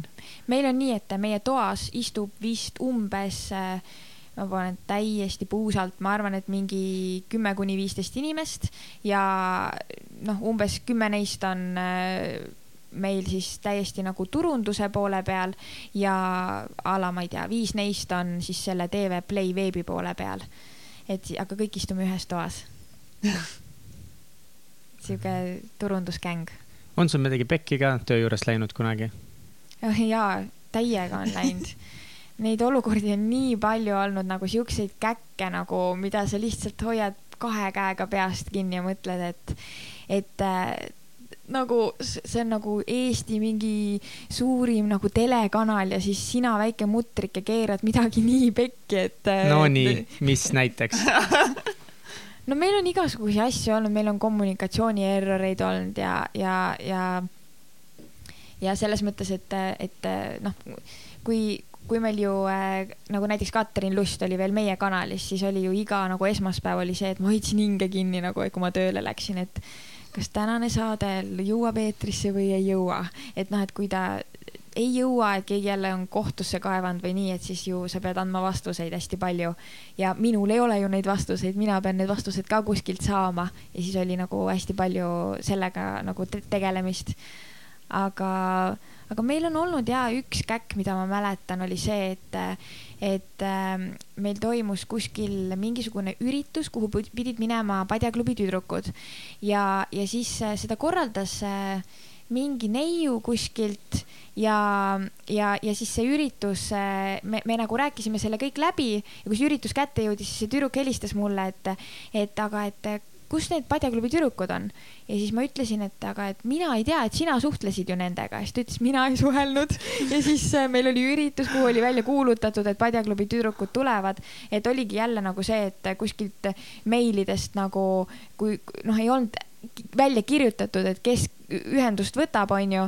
ja, ja siis tuli sihuke käkk, et meil on üritus, aga noh, et ei ole neid inimesi. Nemad ei teadnudki nagu..., et üritus on. jaa, noh, et, et see on tegelikult mega nagu kurb, sest et nii nad arvavad võib-olla, et need padjaklubi tüdrukud tegid eh, seda, noh, et ei tulnud lihtsalt kohale mm. või midagi et me ei tohi kunagi sellist muljet jätta ju, et noh, et, et nemad midagi, nad, nad, nad ei ole kunagi midagi skip inud ega nad on hullult kohusetundlikud et, et aga noh, sellele lapsele ju seal kuskil, kes tuleb sinna vaatama neid, on mega kurb. sa tundsid ennast ka siis vastutavana selle käki eest natukese või? ei no selles mõttes loomulikult, et kui ma pärast need nii-öelda meilid läbi käisin, siis sealt oli nagu selgelt aru saada, et, et, et mina ei võta nende tüdrukutega ühendust. et, et see noh, nad nii-öelda see teine asutus küsiski luba, et kas nad võivad selle ürituse teha nii, et nad kutsuvad. meie andsime Padjaklubi tüdrukute kontaktid ja nii see jäi. aga et kuidagi nagu seal jäi minule selgusetuks, et kus oli see minu koht nendega ühendust võtta. aga no täiega tunned ennast süüdi nagu selles mõttes, et ükskõik, kas sa nagu nagu ise tunned, sa üritad ju endale ikka vabandusi leida, et loed selle meili mingi viis korda või kümme korda läbi, et kas seal oli kuskil kirjas see, et ma loeks välja, et mina pean ühendust võtma et äh, siukseid nagu asju on, et võib-olla seal ei ole isegi see, et sa nagu kuidagi keerasid nagu sellele üritusele käki, seal on nagu, mina mõtlen nende laste peale, et mm. nagu nemad, noh, nad nagu keegi ei ole ju süüdi selles, nemad ei ole süüdi selles. aga mis siis sai, kas üritus jäigi ära? Ja seal oli nii, et kohe räägiti nagu Padjaklubi tüdrukutega ümber ja tehti nagu asendusüritus mm.. jah. okei okay., aga oled sa ise ka midagi nagu täiesti ise nagu midagi jumala pekki keeranud? no mäletan, et kui meil tuli viiskümmend üks küsimust selle Tanel Padariga välja, siis minu boss ütles, et ma ei mäleta, mis see sõna oli, see oli nii hea lihtsalt, see oli, see ei olnud pask, aga see oli, see oli, see oli umbes midagi analoogset. et, et see küll nagu place ei lähe, onju, et, et see oli nagu kuidagi nii nagu noh, see oli ka sellepärast, et, et Tanel Padar nagu noh ta ei olekski pidanud neid küsimusi läbi töötlema nii-öelda, aga noh, ta läks ikkagi pikemaks, kui see viis minutit oli ja siis see nagu tundus nagu ilmatult pikk aeg, kuigi noh, tegelikult oli äge Tanel Padarit kuulata siukest äh, juttu ajamas seal. et ma mäletan, see oli küll, et see oli veel ju nende algusaegadel ka, kui ma üritasin neid ägedaid videoid teha siis mõtlesin, ma ei saa kunagi hakkama nende asjadega. mida sa nagu reaalselt siis tundsid, kui boss ütles, et noh, et põhimõtteliselt see on pask, mis te just tegite? No sitasti tundsin aa, ossoo aga kuidas sinule sellised äh, hetked mõjuvad enesekindlusele või kuidas sa suhestud, et kas sa pühid kohe õlgadelt ära, ma panen edasi või sa analüüsid läbi, mõtled, kuidas paremini teha või sul on täiesti savi ja noh, et. ma tahaks, et mul oleks savi äh, aga ma analüüsin need läbi ja siis ma jään veel nende peale mõtlema väga pikaks ajaks. ehk siis see, et mul see üldse praegu meeles on, vaata, et noh, et järelikult see tekitas mingi nagu tunde, mis mulle ei meeldinud tol hetkel, sest ma olen nagu jõhker muretseja ja, ja, ja ma nagu kuidagi tunnen, et ma oleks saanud nagu hästi palju paremini teha iga, igas olukorras. et siis see jääb päris nagu kauaks hinge sööma mm ma muretsen mingi viis minutit tavaliselt, siis ma rohkem muretsen. no aga ma, mure, ma muretsen ette täiega. ma muretsen ette küll, aga pärast, kui asi pekki ära jääb, siis ma ei muretse väga pikalt. siis on suht suvaline, jah? ja ma arvan, et äh, sellepärast, et äh, ma olen õppinud äh, hullult lasti laskma, ma nägin täiega vaeva, näiteks mind kooli ajal mind hullult nagu kiusati, mingi aeg oli jumala pekkis, sõimati ja värki, sihuke hästi nagu vägivaldne ja ja selline oli meie klass ja seal üldse väga paljude vastu oli, põhimõtteliselt meil oli hullult hea klass. siis tuli üks tüüp, kes oli istuma jäänud nagu mingi megapikalt ja kogu klass oli mingi paari aastaga mingid kuradi gäng, noh, ma ei tea, mis pagana kaagid meil seal olid koos ja see oli terror. ja sa pididki, noh, kuidagi mul kaks varianti, et kas ma lasen sellel abuse'il ennast ära süüa või iga päev ma kuidagi, noh lasen sellest lahti ja lõpuks see viis mind selleni, et ma olen võimeline nagu ülikiiresti mingi jama nagu selja taha laskma, aga noh, see ei ole alati võib-olla hea ka, et siis sa ei saa analüüsida seda äkki nii põhjalikult, et kuidas paremini teha. Ja noh, ma, ma, ma, ma ei, ma ei suuda isegi kuulata neid koolikiusamise jutte, ma lähen nagu nii keema sees, et äh, minul oli, mul on mega vedanud nagu koolis sest et äh, ma olen hullult nõrguke ja kui keegi nagu oleks mulle midagi öelnud, siis äh, ma arvan, et see oleks mulle väga-väga kauaks meelde jäänud ja ma ei ole üldse sihuke nagu tugev isiksus, et, et äh, nüüd neelan alla ja kiusan vastu, onju, või mida iganes. et aga mul on nagu vend koolis, kes räägib siukseid lugusid lihtsalt, et, et noh, et, et see lihtsalt nagu mõned need kiusamised on nagu mingid siuksed väiksed, et a la umbes see, et keegi teeb sulle tunnis markeriga näiteks kukla peale mingi asja mhm. joonistab, onju aga sa lähed selle peale ka nii ketta nagu, miks ta seda tegema peab, nagu mis sul viga on? jaa, see on haige, see tegelikult see võib mõnel inimesel jumala suur asi olla, mingi, mis asja, mingi vend sodib sulle kaela peale midagi, halloo. jaa, või siis nagu noh, mingi, mingi koolikoti peale või vaata kuhugi nagu, et mi, miks sa seda teed, onju. et kui, kui ta neid nagu lugusid räägib, siis ma lähen nii keema, aga ma, ma tean, et kui ma praegu isegi istuks seal koolipingis ja, ja, ja see nagu nii-öelda keegi teeks mulle nii, ma ei oskaks mitte midagi teha. meil oli üks olukord äh, vennaga, kui ta mängis arvutimängu ja tal oli kõnes nagu keegi, mingi klassivend ja, ja ma mängisin klaverit kõrval ja siis seda sõber ütles, et kes see sul mängib seal klaverit, et mingi nagu mingi saada ta välja, onju, mingi sitasti mängib, vaata. ma mingi, mida? mina sitasti klaverit nagu, ta ei teagi nagu mind, vaata, noh, et nagu mõtle, ma olen nagu kakskümmend viis ja ma võtsin nii südamesse selle, et mingi suvaline vend ütleb mulle kuskil arvutimängus, et, et äh, saada see mingi klaverimängija sealt välja, vaata, et mingi ta ei oska nagunii mängida et eh, noh, nagu appi, mida need nagu noored veel tegema peavad mm.? ja kes ei ole nagu elukogemust nii palju rohkem juba jah kas meediamaastikul sa pead ju tugev olema, ajakirjandusega suhtlema, mingite staaridega suhtlema, et kas sul on selline mingi tööpersona ja siis sinu päris persona? Äh, no hmm no tööl on nagu nii, et, et, et tööd ma teen nagu kuidagi nende ajakirjanikega kõigiga nagu teistmoodi, et ma ju söödan neile ette mingisugused asjad, et nad teevad ise intervjuud kellegagi ja nii edasi. et see, kui ma nüüd Eesti Laulul olin ja ma pidin seal ise intekaid andma, see oli nagu mega raske esiteks ehm, ja, ja nagu kuidagi seal teisel pool olla oli nagu nii keeruline, et et, et näiteks kui, kui ajakirjanik on varem küsinud näiteks kelleltki teiselt, näiteks mingilt saatejuhilt või asjalt, et, et räägi natuke saatest, siis ma ei saanud mitte kunagi aru sellest, et miks nad rääkida ei oska sellest saatest. nagu see on ju nii loogiline küsimus, räägi ükskõik mida. ja siis, kui nüüd ajakirjanik küsis, et ma ei tea, räägi oma laulust, onju no issand jumal, no kust ma alustan, et noh, see on nagu kuidagi nii täiesti teistmoodi saad aru, et äh, sellest noh, nagu kuidagi väga lahe oli, vähe, väga lahe kogemus on nagu niimoodi teistpidi olla, aga ma ei ütleks, et mul nagu erinevad versioonid on.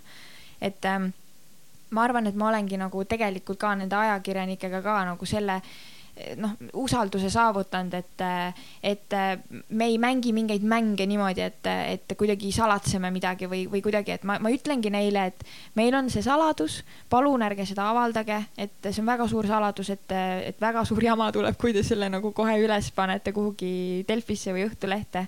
Ja, ja, ja senikaua, kuni see usaldus püsib, senikaua ma saan nagu oma tööd niimoodi hästi teha aga ma arvan, et kohe, kui see usalduks, usaldus kaoks, siis ma arvan, et see oleks väga suur löök mulle nagu sa võtaksid seda väga isiklikult? ja, sest et siis nagu, kuidas ma tööd edasi teen selles mõttes, et kuidas ma seda infot nagu jagan niimoodi ette, et ma olen kindel, et nad seda kohe nagu ei avalda. mina et... olen saanud selle, selle kooli nagu nii valusti, et mul siiamaani on nagu ajakirjanike vastu väga, väga halb. ma töötasin kunagi, ma olin põhjalik, Põhja-Tallinna valitsuse avalike suhete nõunik ja ja, ja siis äh, ühe kanali, ärme nüüd kanalit nimeta reporter äh, valetas välja mult intervjuu. meil oli tegelikult üks skandaal õhus, aga ma olin ka alles sinna tööle läinud ja ma ei osanud seda nagu ette näha ja ma usaldasin. et ta ei hakka selle teema rääkima, sest ta suutis mind nii ära veenda, et tal on hoopis teine teema, tal on kohe vastused vaja, teised linnaosavanemad on kõik andnud vastuseid, kohe vaja, kohe vaja. ja siis ma veensin linnaosavanema ära, et seda intervjuud andma, vaata ja siis ta andis selle intervjuu ja esimene küsimus oli noh, muidugi nagu selle teema kohta ja ma mõtlesin. mingi skandaali kohta. jah, ma nagu. mõtlesin, ma lihtsalt suren ära sinna koha peal, ma lihtsalt noh, kõik, ma, ma olen alla, ma lihtsalt lasen ennast maha, ma lähen minema, noh, kõik mu maailm on läbi, vaata. no siis pärast lihtsalt nagu läksin, palusin lihtsalt vabandust nagu, et noh minu ebakompetentsus oli see ja siis ma mõtlesin, fuck nagu ma tapan kõik ajakirjanikud ära, nagu miks nad niimoodi teevad, nagu mis neil viga on, vaata minu elu on nüüd läbi ja mul on siiamaani trauma sellest, sest on mingi, ma ei tea, kuus aastat möödas ja, ja, ja veel nagu väga raske on nagu see ka, et eh, kui see nii-öelda see väljaanne, ükskõik, kes see nagu reporter seal oli eh,, see väljaanne jääb sulle eluks ajaks meelde, sest et eh, hästi nagu palju on nagu olnud minul selliseid kogemusi, kus näiteks a la Õhtuleht tahab kellegagi teha intervjuud mm., aga sellel staaril on siis mingisugune eelnev ja. kogemus olnud mingi teise ajakirjanikuga ja ta ei ole nõus andma sellele ajakirjanikule intervjuud. ja, ja siis, siis sa oledki seal kahe vahel, et noh, tegelikult see ajakirjanik ajakirjanik on tore mm. ja tema nagu on usaldusväärne, et palun nagu kuidagi äkki saame selle ikkagi tehtud, aga ta jääb endale kindlaks, et noh, et, et aga noh, kuidagi nagu, et temal on ebameeldiv kogemus olnud. võib-olla äkki oli mõne praktikandiga üldse või äkki oli noh, mingi isikuga, kes ammu enam selles noh, väljaandes ei tööta. siis on nagu kohati jällegi kahju, onju. et aga, aga noh, ma saan täiesti aru, et selles mõttes, et see jääb ikka päris kauaks hinge. jep, forever rikutud siiamaani on see lihtsalt nagu Põhja-Tallinna valitsus. õhtu võis tolle päeva õhtu kodus võis päris sitt olla. ma, ma seda õhtut ei mäletagi, lihtsalt ma mäletan seda tunnet, kui ma läksin pärast kontorist tagasi sõrad. ma ütlesin, okei okay,, nüüd ma kirjutan kõik, mis ma sellest ajakirjanikust arvan nagu talle otse välja, siis ma mingi, no ma võin ju talle kirjutada, mis muutub, okei okay.. ma kaeban pressinõukogusse, nii. tõenäoliselt okei okay,, me võidame, mul on mingid meilid alles, nii, mis sellest nagu, sellest ka ei juhtu midagi, sest teevad kuskil avaldavad väikse artikli, et jaa, sorry, on ju, kahju. Damage'is ta on nagu, siis ma mingi okei okay,, ma ei saa midagi teha. Fuck this shit nagu I quit nagu. no ma ei quit inud, aga lihtsalt nagu see, et sa ei saa enam midagi teha. nagu meedias on midagi välja öeldud, siis sa nagu seda enam nagu noh, vastu nagu sa võid karjuda, aga hüüdja hääl kõrbes suhteliselt jah. et noh, jah, nii nii ta oli. ja, ja ma, ma olen nagu praegu oma töökohal ka sihuke kergelt nagu, ma ei tea, üritan olla selline pisike maailmamuutja, et, et ma ei taha panna nagu oma pressiteadetele selliseid pealkirju ka, mida tegelikult nagu nii-öelda tahetakse, jah ja., et ähm, ma olen nagu leppinud kuidagi sellega, et, et ma teen oma tööd nii hästi, kui ma oskan, ma panen selle pealkirja kasvõi nagu väga igava, aga see on vähemalt tõsi, et, et kui nad tahavad edasi panna oma pealkirja, siis pangu, aga see ei ole enam minu, minu nagu tehtud.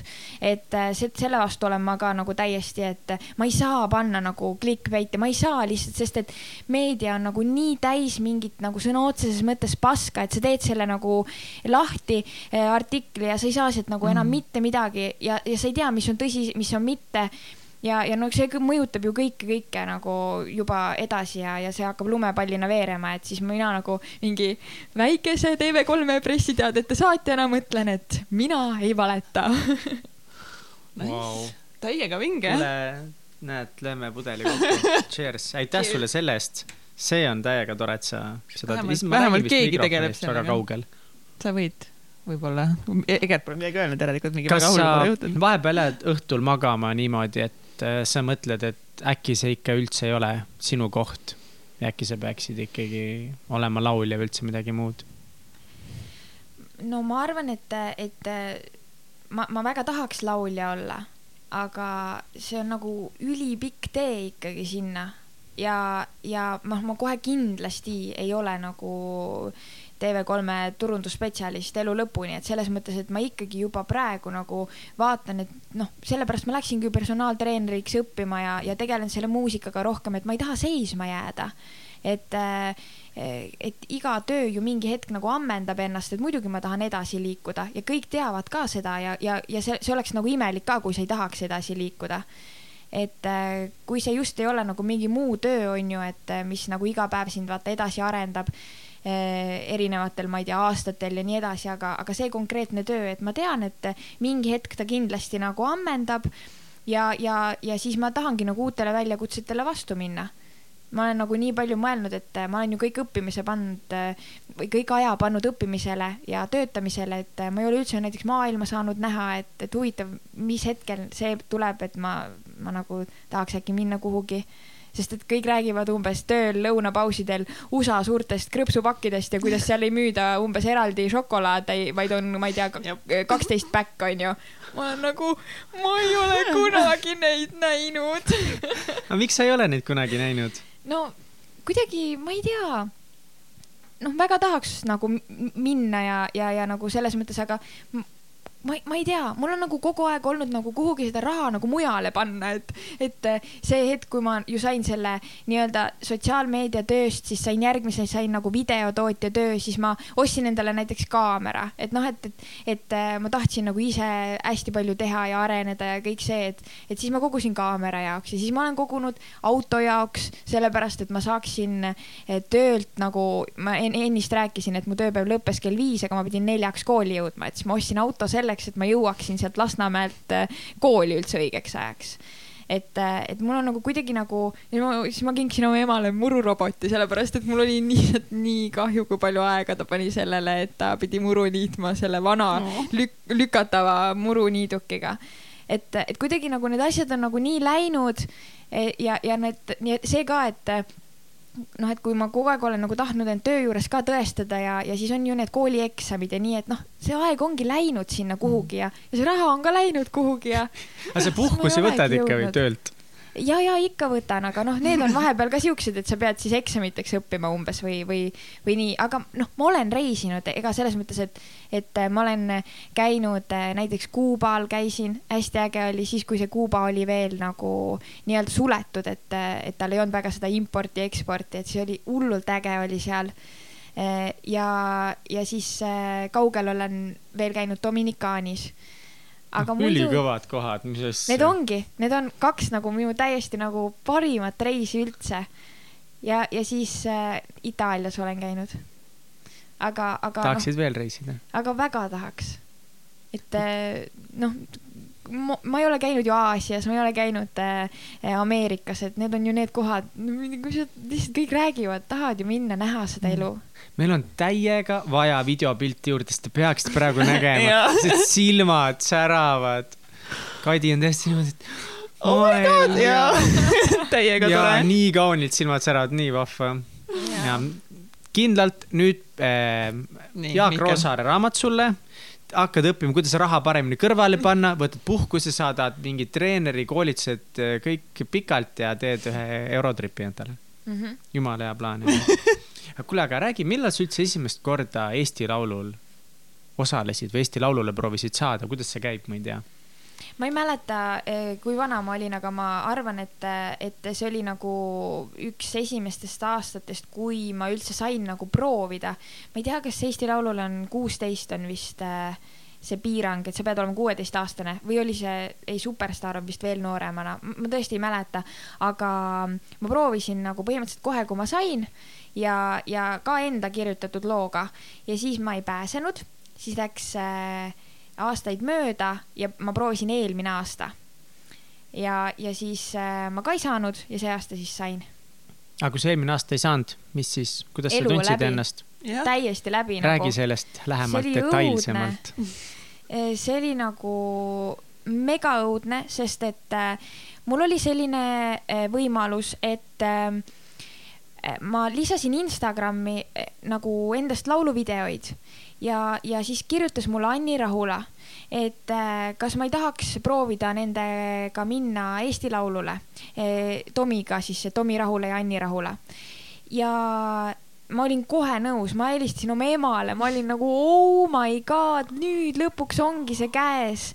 siis me kirjutasime kolme peale loo, see oli hullult äge, sest et äh, kui sa mõtled, et Tomi Rahula, et ta on nagu legend ja siis ta saadab sulle nagu telefoniga tehtud selle voice memo mingi täiesti täiesti siukse memo, siis mõtled, et issand, kui äge, nad on täiesti tavalised inimesed. ja siis äh, me kirjutasime kolme peale kokku loo kaua te kirjutasite seda kaua te vaeva nagu nägite sellega?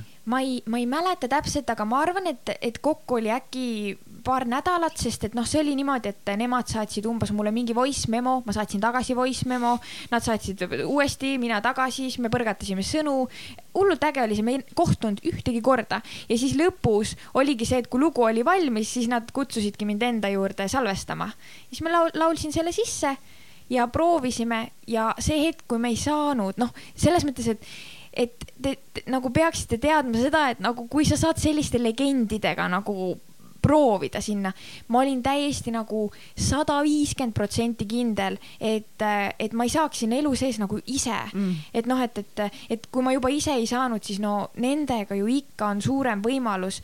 Ja ma mõtlesin, et kui ma nendega ka ei saa, no siis on nagu noh, Siis siis, siis ma ei saa kunagi, kunagi ja ma ei saanud, issand, see oli, see oli nii kurb. ma mäletan seda, et, et minul vist, mul oli nagu nii suur nagu šokk see, et mul vist ei tulnud isegi pisaraid, sest ma isegi ei olnud nagu nii kurb, aga mu ema nuttis lihtsalt, sest et noh, ta nagu tema jaoks oli see nii suur löök, sest ta nägi, kui väga ma seda tahtsin.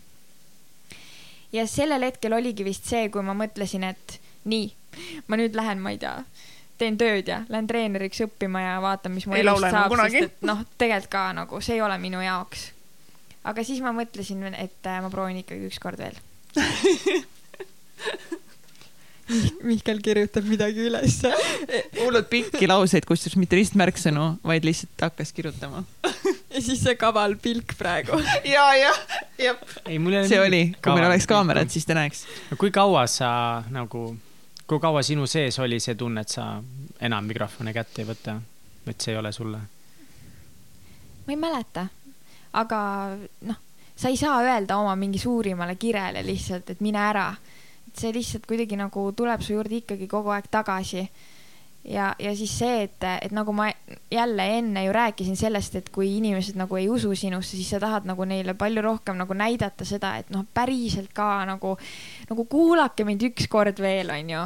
ma nagu noh, vaatame, kui te siis ka ütlete, et ei, onju, et siis ma nagu lepin sellega ja võib-olla see nagu uuesti Eesti Laulule proovimine oligi see hetk, kus ma mõtlesin, et sest et see laul ju oli ka sellest, ma paningi selle kõik sinna laulu sisse nagu, ma paningi selle, et, et miks mul ei õnnestu, et ma tahan nii väga laulda ja, ja et, et ma just nagu selle lauluga pääsesin, siis ma arvan, et see oligi nagu kõik sellepärast, et ma pidingi sealt selle Tomi ja Anniga nagu läbi kukkuma, et see Believe üldse sündida, saaks sündida, jah. noh, et kõik make ib nüüd sensi nagu täiega aga kuidas see laul sündis? ähm,. see oli hullult äge, et äh, ma, ma nagu, mul, mul ei sünni need laulud nagu nii, et ma lähen nüüd klaveri taha ja siis ma olen mingi hullult loov ja kuidas need inimesed kõik räägivad, et, et neil tulid igasugused mõtted ja asjad äh, kogu aeg, et nad panid kuhugi ruttu salvestasid sisse, et mul ei ole väga nii, sest ma noh, ma töötan ja õpin ja mul ei ole nagu väga selliseid viisijuppe või kuulan teie podcast'i, onju Uh. ja, ja siis äh, äh, ja siis üks õhtu oligi see õhtu, kus ma olin Tartus äh,. Ja siia vahele ma pean sellega ütlema, et ma ei tea, kuidas teil on, aga see koht, kust te pärit olete, kas teil on nagu seal mingi teine feeling ka, kui te sinna nagu täiesti lähete? teine feeling on. ma olen Tallinnast pärit, nii et mul ei ole mingeid feeling uid. ma küll, ma olen Last-, Lasnamäelt pärit, vaata, siis ma olen mingi lähen Lasnamäe, siis mingi jep, my hood nagu wow. siuksed feelingud. ma olen Tartust pärit, et mulle me- täiega meeldib Tartus olla, aga ma küll kunagi ei elaks seal, sest noh, Tallinnas toimub rohkem, aga see on kuidagi see hinge kodu feeling ja ja, ja, ja, ja, ja see oligi nagu nii, et ma läksin äh, Tartusse, läksin veel, mul on nagu vennal klaver ja, ja siis äh, ma mäletan, et kell oli nagu mega palju ja, ja selles mõttes ma pean oma väikse vennal ju lubama magama minna. aga ma ütlesin talle, et, et ma natukene mängin klaverit ja ma ei, ma ei oska seda nagu seletada lihtsalt, et, et sul tuleb nagu mingisugune nagu, lihtsalt see tuleb kuskilt ja, ja ma ei tea, kuidas see võimalik on, sest ma arvasin, et nagu seda ei tulegi mitte kunagi nagu. ja sa lihtsalt nagu kuidagi hakkasid seal klaveri peal nagu mängima ja, ja, ja, ja tulid mingisugused viisijupid ja siis tulid juba sõnad ja siis sa hakkasid äh, aru saama, et vau wow,, et neid, sellest sõnade mõttest aru ja siis neid sõnu tuli rohkem ja, ja selles mõttes see oli nagu täiega äge, et äh, et see, et ma kunagi ei usu sellistesse hetkedesse, aga lihtsalt nagu juhtus aga mis edasi siis sai? Äh, siis oligi nii, et tegelikult äh, noh, ma, ma nagu andsin selle loo, laulsin ette oma elukaaslasele ja siis äh, oligi täpselt see, et, et, et ma nagu läksin klaveri taha ja ütlesin, et noh, et ma kirjutasin midagi uut, et kas sa kuulaksid korra ja siis ma laulsin talle niimoodi. Believe ja, ja ta ütles kohe nagu okei okay,, okei okay., mingi, see oli mega ilus, ma ütlesin, et kuula edasi, onju, ja siis ma olin täiesti mingi I m breaking entirely down with this iron man ja siis ta on täiesti nagu, et issand, et, et mega ilus on juba, et, et nagu laula, laula mulle veel, et mingi noh, et, et ta on ka nagu muusik ja, ja selles mõttes ma usaldan nagu tema nagu sisetunnet hullult palju. Ja see oli minu jaoks nagu nii suur asi, et ta niimoodi reageeris sellele. ja siis äh, me üritasimegi selle nagu linti teha ja, ja tema võttis selle nagu loo ähm, endale nagu töötlemiseks, et tema siis mõtles välja need, et sinna tuleksid need tšellod ja, ja igasugused äh, muud äh,, muu mudru sinna taha. issand, kui ta seda kuuleb, siis ta hoiab kahe käega peast kinni, et mingi muu mudru. muu mudru. Thanks. sinna need aastad on läinud, sinna, selge. klassikalise muusika olulised, olulised elemendid, tšellod ja muu mudru see muu mudru palun viis nivood kõrgemaks nii, aga mis te siis tegite, muu mudru sai paika. mis edasi sai? ja siis, ähm, siis me mõtlesime, et me peame tegema ühe eestikeelse loo ka, sest et äh, Eesti Laulul on, äh, ma tean seda, et selles mõttes, et seal võib, võib tekkida see moment, et ingliskeelseid lugusid saadetakse mega palju no vaadake nagu raadiotes on see, et sa mm. pead lihtsalt mingi asja ära täitma, mingi protsendi seal. ja siis mina mõtlesin, et kindlalt Eesti Laulul on ka nii, onju. et äh, ma igaks juhuks saadan eestikeelse laulu ka ja, ja et, et kui juhuslikult nagu peaksime pääsema nagu sisse kasvõi sellena, et neil ei ole vaata mitte ühtegi eestikeelset laulu võtta, siis nad peavad. Aga vähemalt ma saan sinna võistlusele aga, aga siis oligi nii, et, et äh, õnneks nagu läks nagu täiesti teistpidi, et sai ingliskeelsega, mis tegelikult ju meeldis mulle palju-palju rohkem ja oli see nagu kõige nagu noh, mis, mis, mis esimesena valmis ja mille pärast ma üldse sinna nagu tahtsin minna. ja mida sa tundsid, kui sa esimest korda sellega seal laval läksid võistlusel? Oh, ma, ei... ma tahaks kõigepealt teada, mis ta tundis siis, kuidas sa teada said, et jaa. sa pääsesid Eesti Laulule äh, sellega oli ka nii, et ma olen iga aasta vaadanud Eesti Laulu eh, eh, ja ma olen iga aasta vaadanud seda, kuidas Ringvaadetes mm -hmm. need noh, need teatavaks tehtakse. ja ma olin sellel aastal nii endast välja viidud sellel päeval, kui neid teavitati, et, et kuna ma teadsin varem, et kõigile helistatakse, kes saavad edasi ja mulle ei helistatud, aga ma olin nagu täiesti tööl niimoodi, et mulle helistab mingi võõras number ja siis ma olen juba nii, et oh my god, siit see tuleb, siis ma võtan vastu. Eh, tere, mina olen Maalehest. Eh, mingi oh, ma ei tea, Ove onju, ma olen nagu okei okay,, et mingi Kadi jää mingi mega nagu professionaalseks, et sa ei saa ta kõne praegu ära panna nagu sorry, Ove, aga miks sa pole nagu Eesti Laulu mingi produtsent, kes ütleb mulle, et ma sain praegu edasi. see oli nii kurb. ja siis äh, ta oli täiesti nii, et tahan mingi arutada teiega mingit äh, koostööd nagu ja siis ma nagu mul on täiesti suvalisest koostööst praegu nagu, ma nagu ma ei suuda mingit koostööd teha. et äh, see oli nagu, ma olin, ma olin nagu täiesti noh, nii, nii raske oli sellega kuidagi kohaneda, et ma jälle ei saanud ja et noh, siis on jälle see löök, et noh, et, et okei okay,, nagu tegelikult ka ma lähen lihtsalt kuhugi kilpkonni päästma ja nagu ma ei, ma ei taha enam nagu mitte kunagi millegi tõsisega tegeleda. okei okay,, kilpkonnade päästmine on megatõsine, siinkohal ma pean ütlema, aga siis oligi see, et ma läksin veel pärast tööd nagu jooksma ja ma vihkan jooksmist, et ma läksin nagu jooksulindi peale täiesti nii jooksma, et ma lihtsalt nagu tegin tegevust, mida ma üle kõige vihkan, sest et ma olin, ma olin täiesti nagu nii, mul oli nii paha olla. pinge oli nagu nii suur, sest sul oli üks protsent, mis ikkagi uskus seda, et sa äkki saad ja no õhtuks oli mul täiesti lootus ka kadunud, trenn oli siis selle nagu nii-öelda suurema stressi ka ära võtnud. Ja siis äh, hakkasin sarja vaatama. Ja, ja vaatan sarja ja ma läksin sellesse sarja nii sisse, sest et vaata, ta võttis mult selle pinge ka ära. ja ma unustasin ära Ringvaate nagu, ma ei unustanud seda ära, aga ma unustasin nagu ajataju ära, ehk siis kuidagi see, see sari läks nagu nii kiiresti edasi, need minutid läksid edasi, et, et üks hetk helises mu telefon ja mu sõbranna helistas ja siis ma võtan vastu ja ta lihtsalt nagu kiljub telefoni. Ja noh, mul on ka see, et ma vaatasin sarja, ma ei saa midagi aru, onju. Ja siis ta küsib, et, et kas sa ei tea, miks ma kiljun või? sa said Eesti Laulule. Ja ma oh olen nagu God mida, mulle ju ei helistatud päeval, et mis asja nagu sa ajad mingit soga. Ja siis äh, ta oli täiesti jaa, et Ringvaates just ütles ja et ja siis ma küsisin kohe, et mis lauluga, siis ta mingi, et Believe. Ja ma olen nagu oh my god. Ja siis mul läks kohe, vanaisa helistas kõik nagu ma näen, et telefon lihtsalt tööd kogu aeg nagu see koputab. et, et siis ma sain aru, et okei okay,, midagi just juhtus nagu. Ja noh, värisesin üleni nagu see oli tõesti nagu noh, ma, ma tahtsin seda seda nii-nii väga. et ähm, aga noh, siia otsa tuli kohe ju see, et, et järgmine nagu päev kutsusid siis need äh, seitsmesed uudised mind kohe nagu diivanile. ma andsin seal intervjuu ära, hullult äge päev oli, kõik nagu hullult nagu tähistasime ja nii. ja õhtul, kuna mul on nagu migreen, siis õhtul see pingelangus, mis siis sellest kõigest nagu mitme kuu, kuusest äh, pingutusest tuli tuli mulle niimoodi peale, et eh, ma ise vist seda seitsmeste uudiste intekat nagu ei suutnudki järele vaadata, vaid ma olin eh, pimedas toas, märg lapp oli pea, pea peal, käisin oksendamas ja voodisse tagasi, oksendamas voodisse tagasi. Ja et ja siis ma mõtlesin, et aga Kadi, kuidas sa selle Eesti Laulu nüüd üle elad? Nagu, et noh, tahtsid küll siia saada, aga kui sa nagu oma edasipääsu puhul oled nagu mingi, mingi juurvili seal, seal voodis, siis nagu kuidas sa Saku Suurhalli laval võib-olla kunagi esined, on ju, et noh, et need küsimused tekkisid kohe mu pähe. jaa.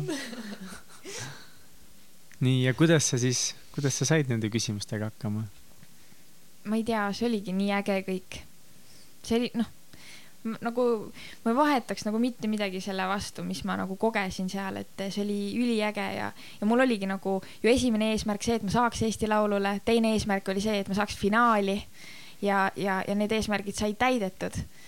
poolfinaali saada on juba päris suur asi. jaa, väga, aga, aga finaalis sajad rohkem inimestele ja. silma et poolfinaalid on ikkagi nagu noh, natukene suvalisemad Eesti rahva jaoks. muidugi, muidugi, loomulikult selles mõttes, et nagu noh, üleüldse ma hakkasingi build-up ima ka finaali saada on ikkagi sa olid teise, teises poolfinaalis vist onju? jah ja, just seda, seda ma ei vaadanud seda ma ei jõudnud kahjuks vaadata. Kuidas oli tunne seal finaali laval olla? see oli üliäge, see oli veel niimoodi, et, et me, mul oli, meil oli hästi äge nagu lava, lavamees, kes noh, lavapoiss, sihuke hästi-hästi tore.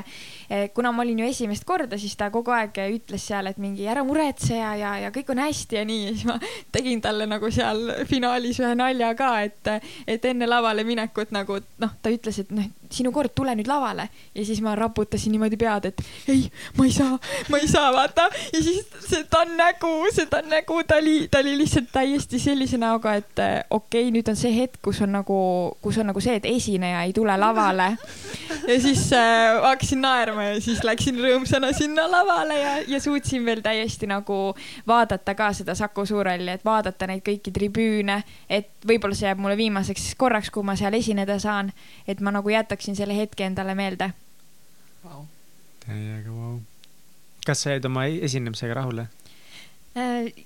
ja selles mõttes poolfinaali esinemisega oli see, et äh, ma, ma tean, et ma oleks saanud sada asja paremini teha ja närv oli sees ja kõik, aga, aga Saku Suurhallis oli juba see, et kuidagi seda pinget ei olnud, et sa pead vaata edasi saama, ükskõik mis koha sa saad, sa oled juba nagu väga tubli, et naudi lihtsalt seda, et sa oled siin ja, ja, ja, ja siis sellepärast nagu kuidagi ma tundsin, et ma nagu andsin endast kõik, mis ma tollel hetkel anda sain ja ma ei oleks vist midagi nagu teistmoodi teinud mm. -hmm. kuidas see elu seal eh, nii-öelda lava taga on, kui kõik nad seal ootavad nüüd tulemust, et kes siis võidab ja nii, kas enamus inimesed hästi rõõmsad, on seal kõik mõned väga pinges ka, sest kindlasti on osasid seal, kes nii-öelda ootavad või eeldavad enda võitu palju rohkem kui teised, eks ole, et kas siis oli kuidagi näha seal pärast mingeid suuri pettumusi ka inimeste nägudel või? no kui ma nüüd päris aus olen, siis äh, ma arvan, et, et näiteks see Extra Basic, kes jäi äh, viimaseks nad äh, nägid nagu tohutult vaeva ju enda promoga. Nad tegid igast oma mingist laulu loomisest Youtube'i video, nad tegid äh, sealt lavatagustest asjadest, nad, äh, selles mõttes nad nägid nii palju vaeva. Nad on ju noh, meganoored ka, et kõik see maailm oligi nende jaoks valla. et see, et nad viimase koha said, see oli, ma arvan, nagu lihtsalt nagu ma, ma ei oleks elu sees arvanud, et noh, et, et, et neil ikka ju noored hääletavad ja, ja nii palju promo sai tehtud ja näiteks teine, keda ma arvasin, et kindlasti saab kõrgema koha, oli Inger ja noh, nagu tema te,, tema nagu näost oli näha see, et ta ei oodanud absoluutselt seda, et tema nimi veel välja öeldakse seal, noh, kui altpoolt hakati nagu lugema ju. et, äh, et selles mõttes nagu noh, aga samas nagu seal pole enam vahet, et kas sa saad nagu teise koha või kaheteistkümnenda koha, sest nad on nagu noh, üks läheb ainult Eurovisioonile seal ju ei ole enam vahet, et selles mõttes olid ju kõik väga nagu tublid ja, ja, ja ei, nad ei peaks üldse kurvad olema. noh, ma sain kümnenda, mida ma räägin siin lihtsalt, ise jäin kuhugi tabeli sinna alumisse otsa. ülikõva ju. jaa, aga sa said finaali. said finaali ja sa olid seal ainult happy puppy ja. ja selles mõttes, et ma, nagu päriselt ka nagu mul oli täiesti nii, et, et saad aru, mu vanaisa ja vanaema helistasid mulle ja need ütlesid sellise lause, et Kadi, et äh, anna andeks, et me nii vaesed oleme. siis mõtlesin, appi nagu. mis mõttes, miks? mõelge nii, no umbes sellepärast, et nad ei saanud nagu rohkem minu poolt hääletada oh no, oh my god, oh my god, ma ei või.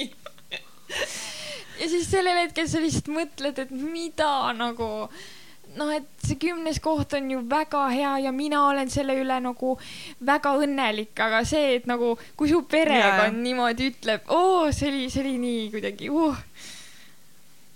kas su pere ja sugulased-sõbrad kõik toetasid sind väga palju sellel? täiega, täiega, noh, see oligi nagu noh, see, et, et sa näed, kui, kuidas inimesed sinu jaoks järsku olemas on see on võib-olla see märk sellest, et sa oled võib-olla elus nagu midagigi õigesti teinud, et nad sinu jaoks olemas on.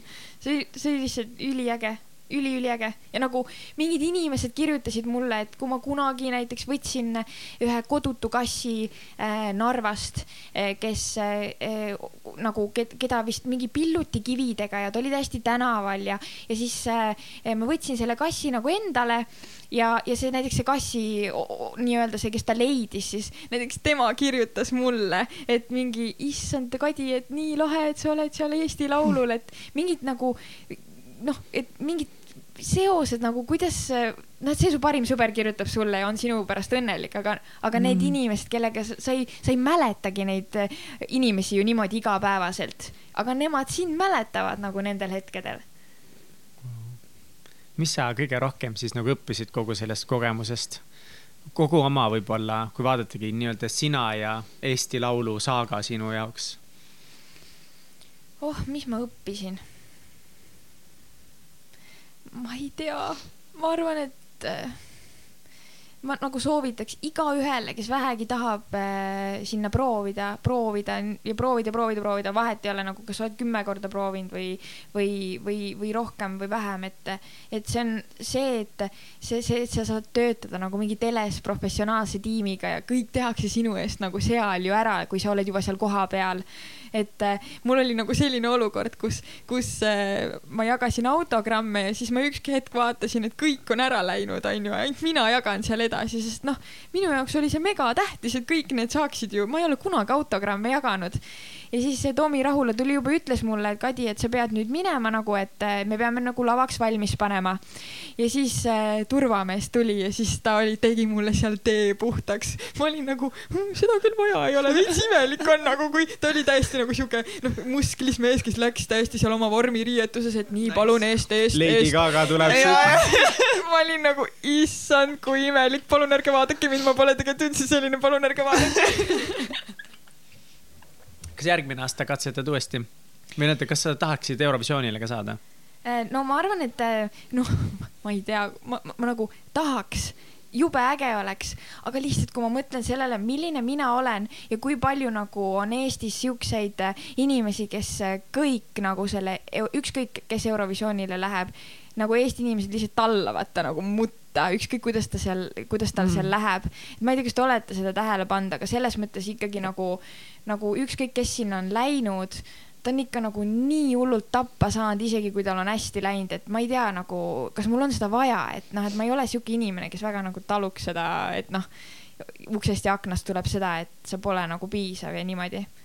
et äh, täiega äge oleks, aga lihtsalt noh, et kas ma, kas ma suudaks selle nagu meediakäraga toime tulla väga aus vastus.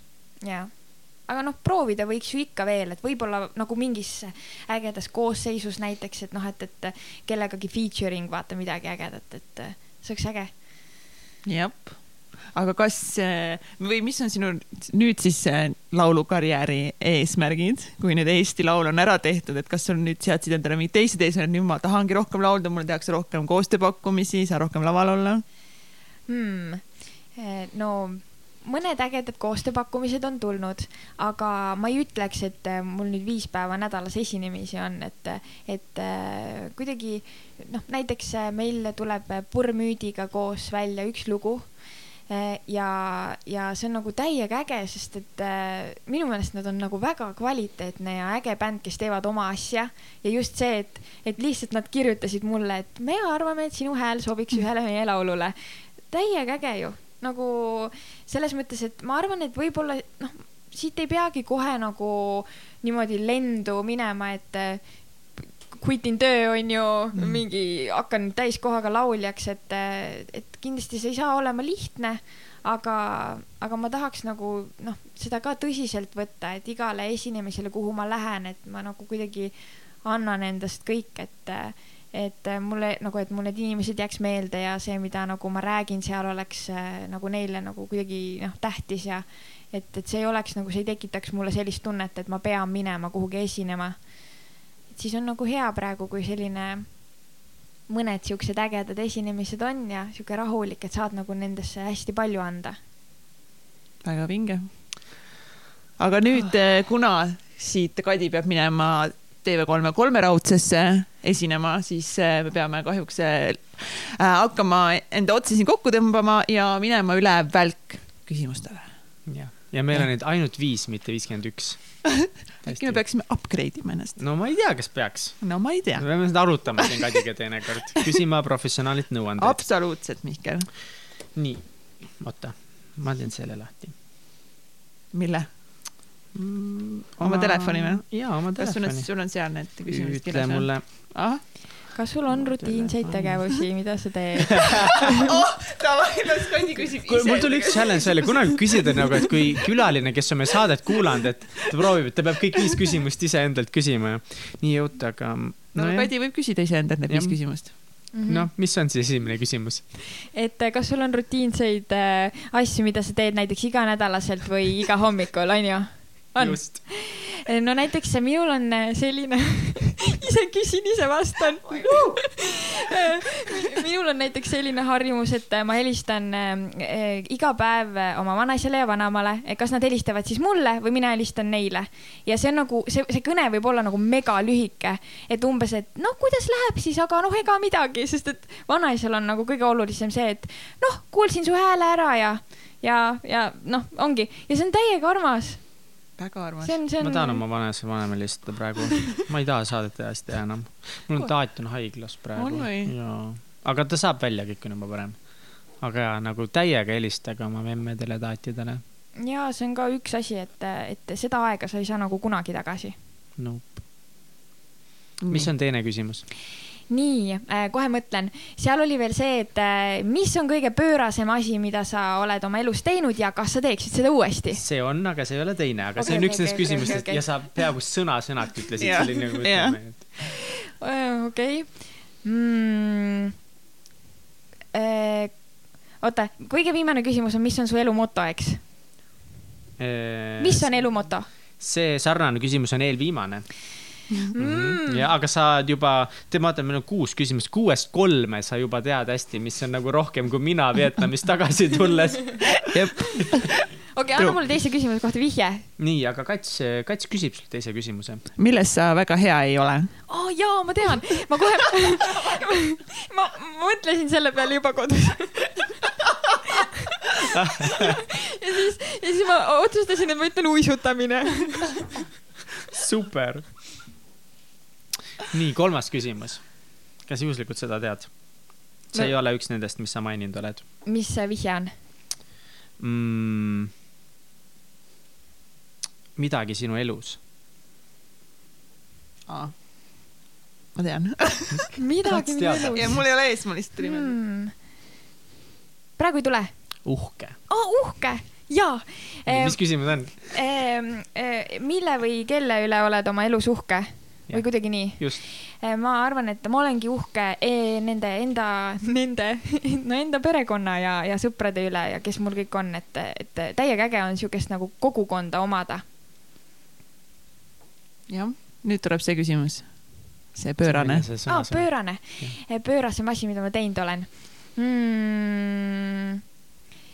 ma, ma, ei tea, ma arvan, et, et kõik on nagu elus äh, politsei eest jooksnud ja, ja nagu mingeid selliseid asju teinud, et, et äh, ma, ma, ma mäletan ainult ühte seika, seda, kuidas ühel peol nagu ma istusin seal rõdul nagu üle nagu noh, üle rõdu nii-öelda rõdu ääre peal.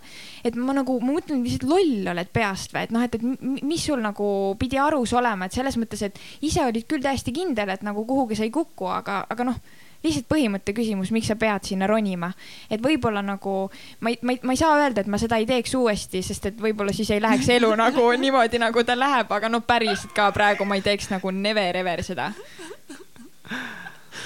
Ehm, mis on edu võti? mis asja, Mis selline on- küsimus on mis või? on edu võti?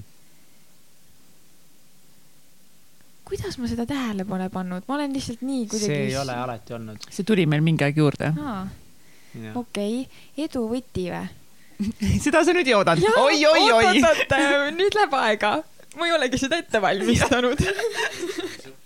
ma ei ole harjunud siukeste olukordadega, jah. edu võti, oh, ma ei tea, võib-olla ongi see, et äh, nagu sa enne ka ütlesid, et lihtsalt nagu taha midagi nagu silmad säramas ja, ja te olete enne nagu hästi palju rääkinud sellest, et inimestega peab suhtlema, et võib-olla nagu see ka, et, et suhtle ja nagu näita neile, mida sa tahad, et näita neile, et sa, sa nagu tahadki seda täitsa pekkis live show'd teha ja Jah. kõik, kõik tulevadki need sponsorid teieni.